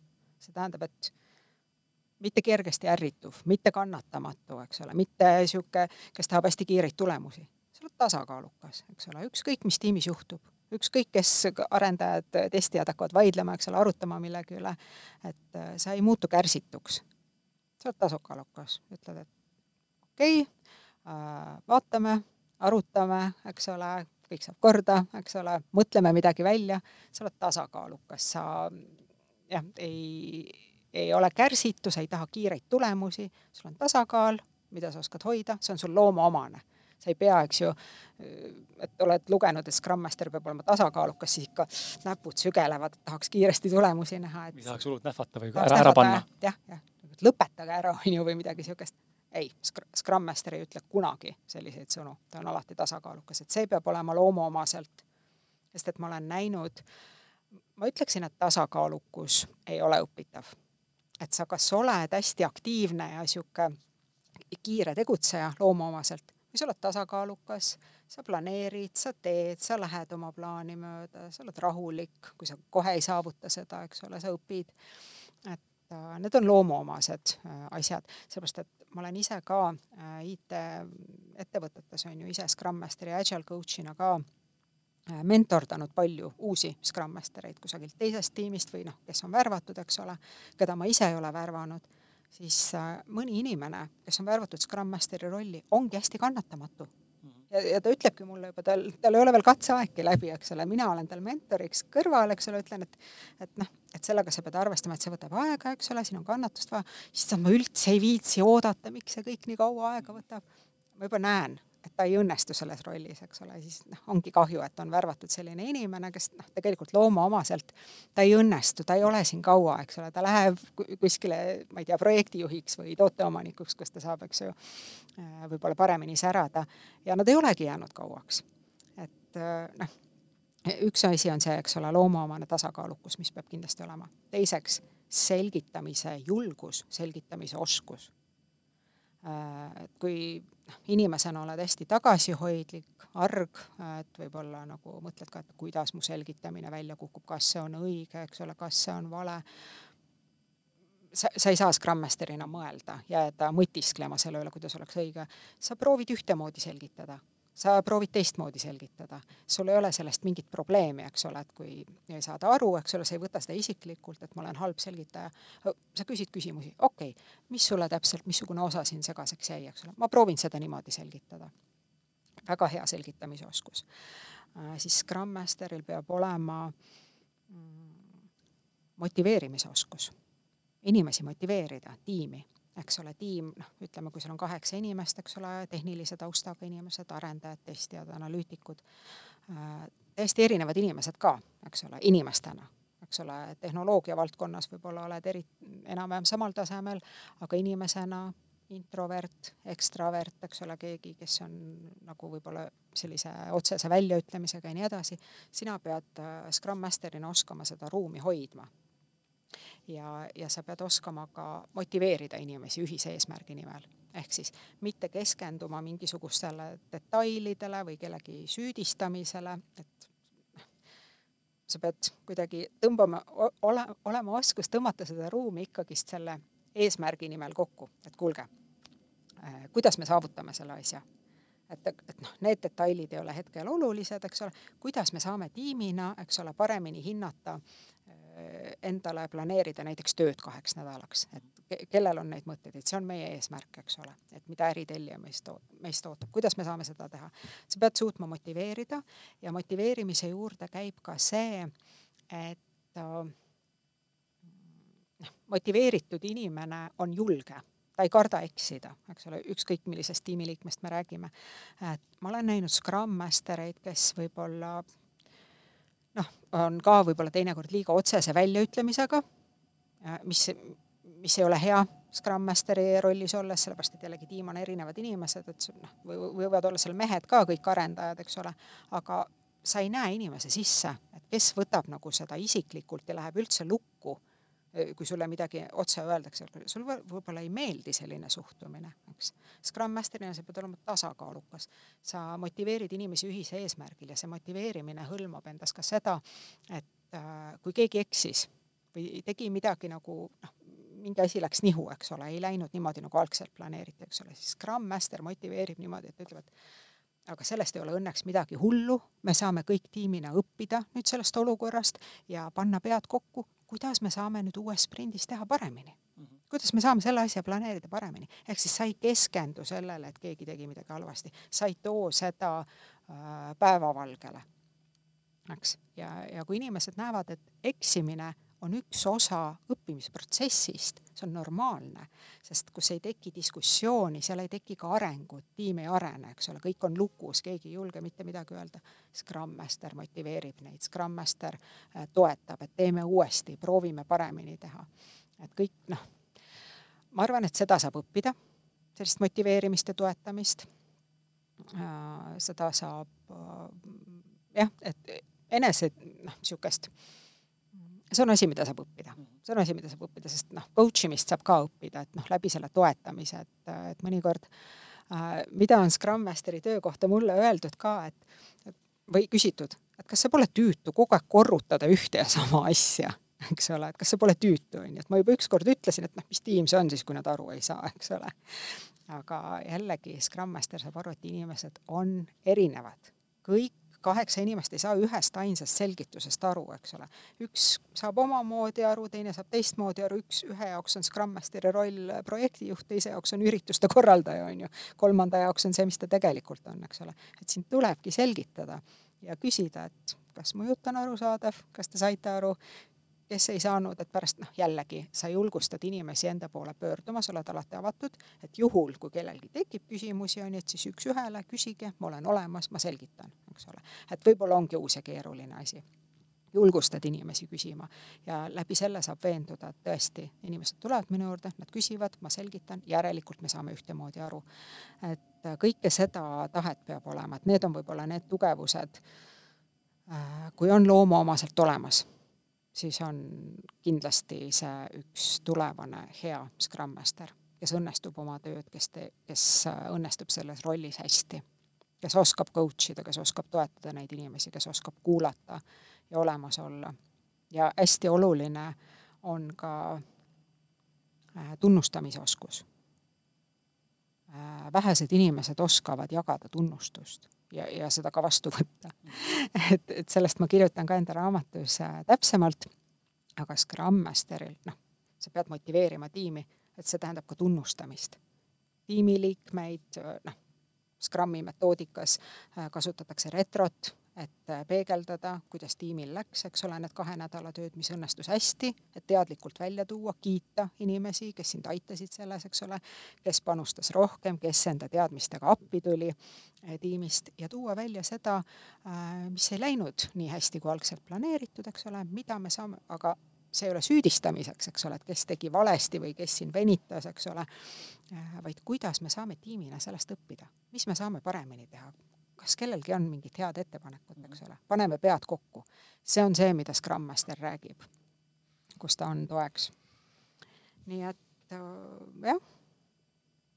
ja kõike seda, mida head kuulajad praegu kuulsid või siis äh, vaatasid, sõltuvalt sellest, kus sa meid kuulad või vaatad, seda kõike äh, räägid sa siis täpsemalt ju veel detailsemalt tegelikult enda koolitusel ja veel põhjalikumalt, et aga küsimus võib-olla selle koolituse kohta ka, et on sul välja hõigata mingeid ähm, järgnevaid kuupäevasid, millal sa tead juba, et on koolitus tulemas ja mis mind ennast huvitab ja ma usun, et see küsimus võib tekkida veel paljudel, äh, kas juba olemasolevatel tegutsevatel Scrumidel, kes peaks praegu sattuma pea siia kuulama meid või neid, kes on potentsiaalselt ähm, sellele teemale otsa vaatamas äh, nagu mina ja võib-olla tunnevad, et aga tahaks veel, on ju, õppida just nagu teooria poolt ja praktika poolt kindlasti ka, kui võimalik on, aga just teooriat, et kas on täiendkoolitusi ka tekkimas, mingisuguse mõtteid sul, et äh, nii et äh, viska siia õhku, kus seda koolitust leida võiks äh,, millal on tulemas järgmine äh, ja, ja jah, ja kus, kus saab ennast kirja panna äh,? jah, et tegelikult, et noh, kes ennast nende eelnevalt räägitud tugevustes siis ära tunneb et noh, kes täna võib-olla töötab mingis teises rollis, aga, aga tunneb, et, et vot see on just täpselt see, mida ma tahaksin teha, et siis võib tulla tõesti minu Scrum Masteri koolitusele, kus ma siis kolmel päeval räägin täpsemalt sellest rollist ja vastutusest veelgi ja tööriistadest, millega Scrum Master töötab ja kõigest sellest, et äh, miks ma neid koolitusi hakkasingi tegema, et kui sa küsisid, Kris, et kas on tulemas täiendkoolitusi või et kas saab veel nagu äh, Eestis äh, õppida kusagil äh,, sellepärast hakkasingi tegema, et ei saa ja naljakas on see, et äh, agiilset arendust tehakse Eestis IT-ettevõtetes juba noh, pea viisteist aastat ja, ja kõik need rollid on olemas, Scrum Master, tooteomanik, aga Scrum Masteri, äh, Scrum Masteriks ei saa kusagil õppida veel. Et ei ole ülikoolis neid ja noh, ma olen ka Tehnikaülikoolis pidanud ju loenguid nendest mittetehnilistest rollidest ja Scrum Masterist ka. Ja tegelikult sealt äh, ja naistele suunatud IT ümberõppeprogrammist Women in Tech kus ma rääkisin ka nendest mittetehnilistest rollidest. Ja sealt tuligi tegelikult hästi suur huvi, et inimesed kuulasid, et noh, võib-olla isegi kui sa oled õppinud IT-d, arendamist või noh, midagi muud, koodi kirjutamist, eks ole, ja tunned ikkagist ära, et see tehniline pool ei ole päris see, kus sa tahaksid töötada. Ja, tegelikult ülikoolis sa ei, ei kuule eriti Scrum Masteri rollist. siis need üliõpilased, noh, hästi suur huvi tuli selle vastu, et kus saab Scrum Masteriks õppida ja kõike seda ja ja, ja tegelikult ei saagi siis ma mõtlesin, et aga mul on ju see kogemus ja teadmine olemas, et ma saan ise pakkuda seda koolitust. ja, ja just julgustada ka äh, inimesi, kes ei ole IT-valdkonnas tegevad, kellel on need tugevused, et tegelikult võiks ju proovile panna ennast selles rollis, nagu mina olin kunagi ja õnnestusin. et äh, jah, hakkasin pakkuma seda koolitust, sellepärast et Eestis sellisel kujul äh, eesti keeles ja eestikeelsete materjalidega mitte keegi ei paku täna Scrum Masteri koolitust nii et äh, ma ei ole veel täiendkoolituse peale mõelnud, aga juba praegu selle Scrum Masteri koolituse vastu on päris suur huvi. Äh, liigun sellega edasi ja, ja vaatan siis, äh, mis, mida, mida tellijad soovivad või, või, kuhu see turg liigub mhm, üldse. Mhm. aga kuna tõesti väga suur ja kasvav vajadus on Scrum Masterite järele ja minu enda äh, isiklik südamesoov olles olnud ise nii Scrum Master, äh, tarkvaratiimi liige kui ka juht, et mu enda suur soov on ikkagist, et õiged inimesed satuksid Scrum Masteriteks. mitte kärsitud, kannatamatud, kurjad, äh, vaid just need õigete isiksuse omadustega inimesed ja sellest on, noh, võib guugeldada on kirjutatud päris palju artikleid ja Youtube'is ka mingisugused väiksed klipid, miks igaüks ei sobi Scrum Masteriks. et just ongi need isiksuse omadused, millest ma rääkisin. ja, ja tihtipeale ka ettevõtetes või IT-ettevõtetes, kus tehakse see agiilne transformatsioon, nii-öelda unustatakse see projektijuhtimine ära, minnakse üle agiilsele arendusele, et siis tihtipeale lihtsalt need endised rollid nimetatakse üle, ümber mm. -hmm et nüüd sa olid projektijuht, noh, ilmselt siis oled nüüd Scrum Master, eks ole, siis sina olid analüütik, nüüd oled tooteomanik, süvenemata, kas tegelikult need inimesed saavad aru, et mis nüüd selles rollis muutub, mhm. missugused omadused sul peavad olema, missugused teadmised sul peavad olema, mis on nende rollide vahe? Ja kas sa inimesena üldse ise tahad olla selles rollis. et, et see töö tehakse tihtipeale tegemata ja niimoodi satuvad ka noh, valed rollid, eks ole. ja mulle on ka öeldud tihtipeale, et noh, mõni inimene, kes on lihtsalt ümber nimetatud, talle ei ole selgitatud, mis nüüd muutub ja lihtsalt kuidagi siis pead nagu, mingit koolitust ka ei ole, et pead justkui teadma, et mis sul on muutunud ja mis sa tegema pead. ja üks ärianalüütik, kes muut-, muudeti siis ta nimetus tooteomanikuks, ütles mulle, et aga tead, ma ei taha tegelikult üldse olla selles rollis ma, ma ei tea, miks ma siin olen, et mind nimetati ümber, eks ole, mingit koolitust ma pole eriti saanud, noh, nüüd ma tean, et ma pean rohkem äritellijaga otse suhtlema ja nii edasi, aga ma ei ole selline inimene. tahaksin, mulle väga meeldib analüütiku töö, et ma tahaksin nagu vaikselt teha enda ärianalüüsi. ma ei taha tellijaga otse suhelda, et ma ei, ma ei tunne ennast hästi et tegelikult kõik see tuleks välja selgitada enne, äh, kui inimesed ümber nimetatakse ja, ja kui tegelikult need rollid ja vastutus on selge ja tiimis ei ole neid inimesi, kes tahavad olla näiteks Scrum Masteri rollis või tooteomaniku rollis, siis tuleb need õiged inimesed värvata. aga vanad, äh, kes ei taha, siis lastakse lahti või, või ikkagi jätkavad oma nii-öelda siis sarnasel positsioonil või kuidas see dünaamika seal on? Nad võiksid jätkata ju sarnasel positsioonil, kus nad on olnud ja, ja mida nad tegelikult päriselt tahaksid teha. sellepärast, et hea juht äh, rakendab ju enda meeskonda ja inimesi tugevuste järgi mm, -hmm. mitte ei sunni midagi peale mm. -hmm. et Eh, päriselt efektiivne mitte ainult tarkvaraarendustiim, vaid ükskõik missugune tiim, on ikkagist see, kus inimesed teevad seda, mis neil hästi välja tuleb.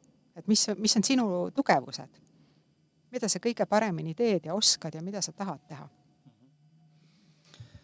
siin äh, kuskil saate keskel sa, või noh, mitte saate keskel, enne kui me läksime Scrumi teemade juurde, sa tõid, äh, äh, mainisid, tähendab seda, et päris palju sellest äh, erialast ja lähenemisest, äh, agiilsest metoodikast kasutad sa igapäevaelus ka mm. -hmm.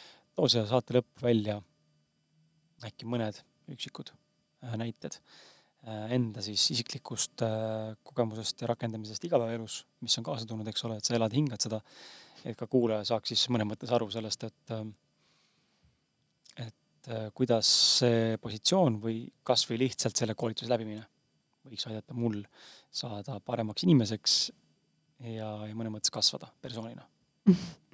No esiteks see, et äh, mida sa ise ju ütlesid tagasisideks minu koolitusele, kui sa olid selle läbinud, et ka IT-valdkonnas äh, on ikkagist oluline kõik, kõik taandub inimsuhetele ja arusaamisele, äh, koostööle et kui sa inimesi enda ümber ei mõista, siis sa ei saa rääkida efektiivsest koostööst. me ei saa tiimina töötada niimoodi, et silmaklapid ees, mina teen oma tükki, mina teen oma tükki. me peame tegema koostööd. koostöös sünnivad parimad lahendused. koostöös äh, tekib äh, igasuguseid lahedaid ettepanekuid, eks ole. et see ongi agiilne mõtteviis, mis on üles ehitatud inimeste koostööle. Äh, sellest hakkab kõik pihta. et jah, et isegi kui läbid Scrum Masteri koolituse ja sa ei hakka Scrum Masterina töötama, et siis sa saad kindlasti palju paremini aru üldse IT-tiimi toimimisest äh,, tiimi ülesehitamisest äh,, kuidas äh, tiimis keerulisi vestlusi pidada võib-olla äh,, kuidas tiimi tasakaalustada et äh, kuidas panna ühis, äh, ühise eesmärgi nimel tööle täiesti neid erinevaid isiksusi, erinevaid inimesi. et, äh, et ma räägin hästi palju ka sellest ja, ja kuidas äh, nii-öelda noh, jällegi, et võib-olla noh, isegi mitte Scrum Masterina, vaid ükskõik äh, mis rolli esindaja sa oled, eks ole, sa ei tea kunagi, missugusesse tiimi sa satud, kui sa just ise seda kokku ei pane, eks ole. et võib-olla on mõnes tiimis ka selliseid inimesi, töötajaid kes ei oota väga sind, eks ole, et kes ei ole väga positiivsed, et nüüd tuleb mingi Scrum Master ja hakkab meid coach ima, et ma ei taha, ma tahan enda asja teha lihtsalt, ma ei taha midagi uut, onju. et, äh, et mõnikord öeldakse ka, visatakse siukseid mm, noh, noh, provokatiivseid asju võib-olla noh, kuidagi pannakse seda Scrum Masterit proovile või ükskõik missugust rolli, eks ole kuidas ennast kehtestada sellises olukorras, kui sulle tiimi ees ikkagist öeldakse midagi niisugust, et noh, tule näita siis, mida sa oskad siin, eks ole, et meil on siin ennem küll olnud Scrum Mastereid. et me, et mis, mille poolest sina siis erined, on ju. visatakse sulle mingi asi, et noh, lahenda ära, on ju. kuidas vastates nagu äh, professionaalselt äh, sellistele provotseerivatele küsimustele ennast kehtestada ja samamoodi äh, luua usaldus enda vastu kõigest sellest ma räägin Scrum Masteri koolitusel. ja, ja mida ma ise agiilsest äh, mõttemaailmast ja lähenemisest igapäevaelus kasutan, on ju näiteks see, mida ma kirjutan enda palgateadlikkuse raamatus, et äh, mis on need tasuta tegevused, mida iga inimene saab enda heaks teha, äh, kas või homme et paremini CV-s tuua välja enda tugevusi, enda saavutusi LinkedIni profiilis ja nii edasi vaata üle, tee endale LinkedIni profiil, CV, motivatsioonikiri, kõik ma kirjutan detailselt samm-sammult, mida teha, mida välja tuua, mida mitte. ja siis äh, tihtipeale inimesed, kes minu poole pöörduvad ka ja on hädas sellega, et noh, tahaks uut töökohta otsida, aga noh, mul on CV on hästi vana, et mingi kümme aastat tagasi tegin, ma pean kõik otsast peale tegema. ja siis ma räägin talle veel, et äh, kuidas nagu ennast ähm, huvitava ja professionaalse kandidaadina esile tuua, et mis sa kõik nagu pead lisama või muutma, siis hoitakse peast kinni, issand, aga see on ju nii suur töö mul ei ole aega selleks, mul on lapsed, lasteaed, koer on ju, kodu, töö, mis lõpeb hilja ära, mul ei ole aega selleks. ja tegelikult üks äh, soovitus, mida ma siin raamatus siis äh, toon välja, on oma töö tükeldamine. mida tehakse, mida teevad ka tarkvaraarendustiimid, eks ole, et nad võtavad arenduspileti, äh, planeerivad selle kahenädalasse sprinti, aga see võib olla nagu nii keerukas, et seda võib-olla ei olegi võimalik kahe nädalaga ära teha, nagu hästi suur asi. see tükeldatakse kaheks, kolmeks väiksemaks piletiks, loogiliseks tükiks ja hinnatakse ära, kui kaua see võtab tükk tüki haaval saab asi valmis. ja, ja täpselt äh, seda ma soovitan ka äh, enda raamatus, et äh, kes tõesti tahab enda heaks need tasuta sammud teha, et enda professionaalsust esile tuua, et siis seda kõike ei pea tegema korraga et muidu see tundubki nagu nii õudne, nii suur ja ajamahukas ja sellepärast ongi seda aastaid edasi lükatud. Aga tegelikult, kui sa jaotad ära, teed, noh, vaatad, mis sul on vaja muuta, eks ole, nii, mul on muidu väga hea CV, eks ju, noh, soovitajad võiks lisada, neid ei ole, eks ole, ma peaksin helistama kellelegi, endisele ühele heale juhile, ma tean küll, ma pean temaga läbi rääkima, et see võtab aega, on ju.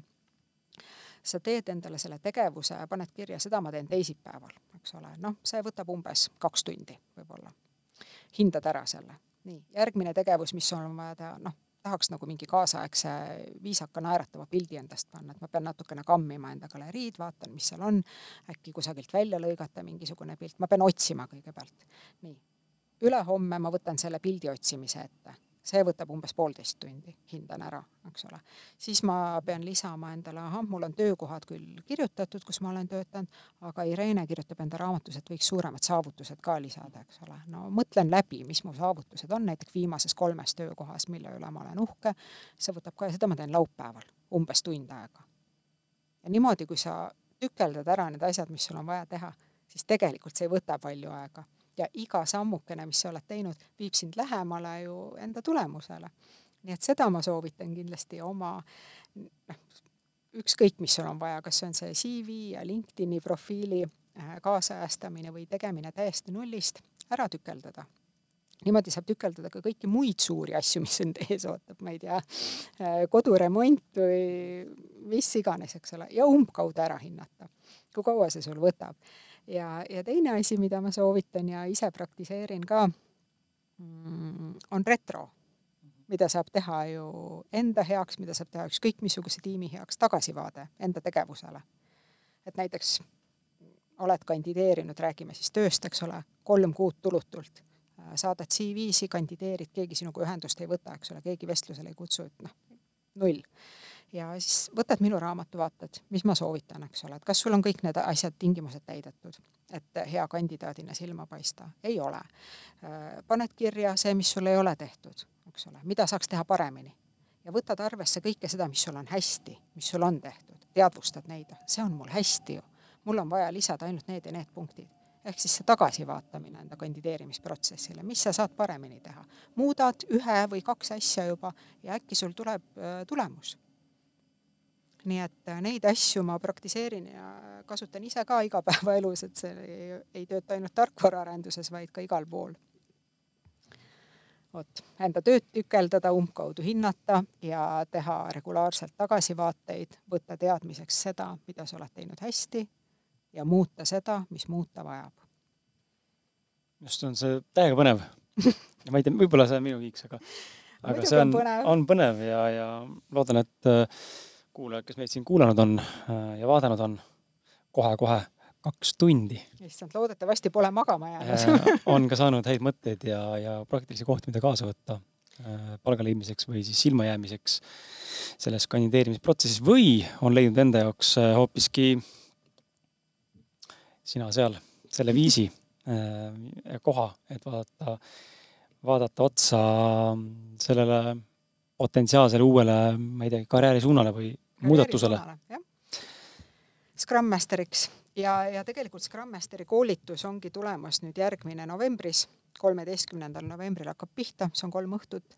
Ja selle kohta saab infot minu kodulehelt parimsinust.ee ma selle lingi, täpse lingi koos siis äh, selle viitega otse sellele äh, Scrumi koolituse maandamise lehele leiad kuskilt äh, vastava postituse alt, kas siis SoundCloudist või Apple Musicust või Facebooki postitusest või Youtube'ist ja ma panen lingid ülesse. või alla, tähendab allapoole, lisainformatsiooni, nii et klikka ja loe. ja süvene, siis tead, äh, millesse ennast äh, mässid aga tead, ma tänan sind. mul on hea meel, et sa tulid ja, ja kaks tundi läks lihtsalt niimoodi, onju, et ähm, tahad sa äkki midagi lisada?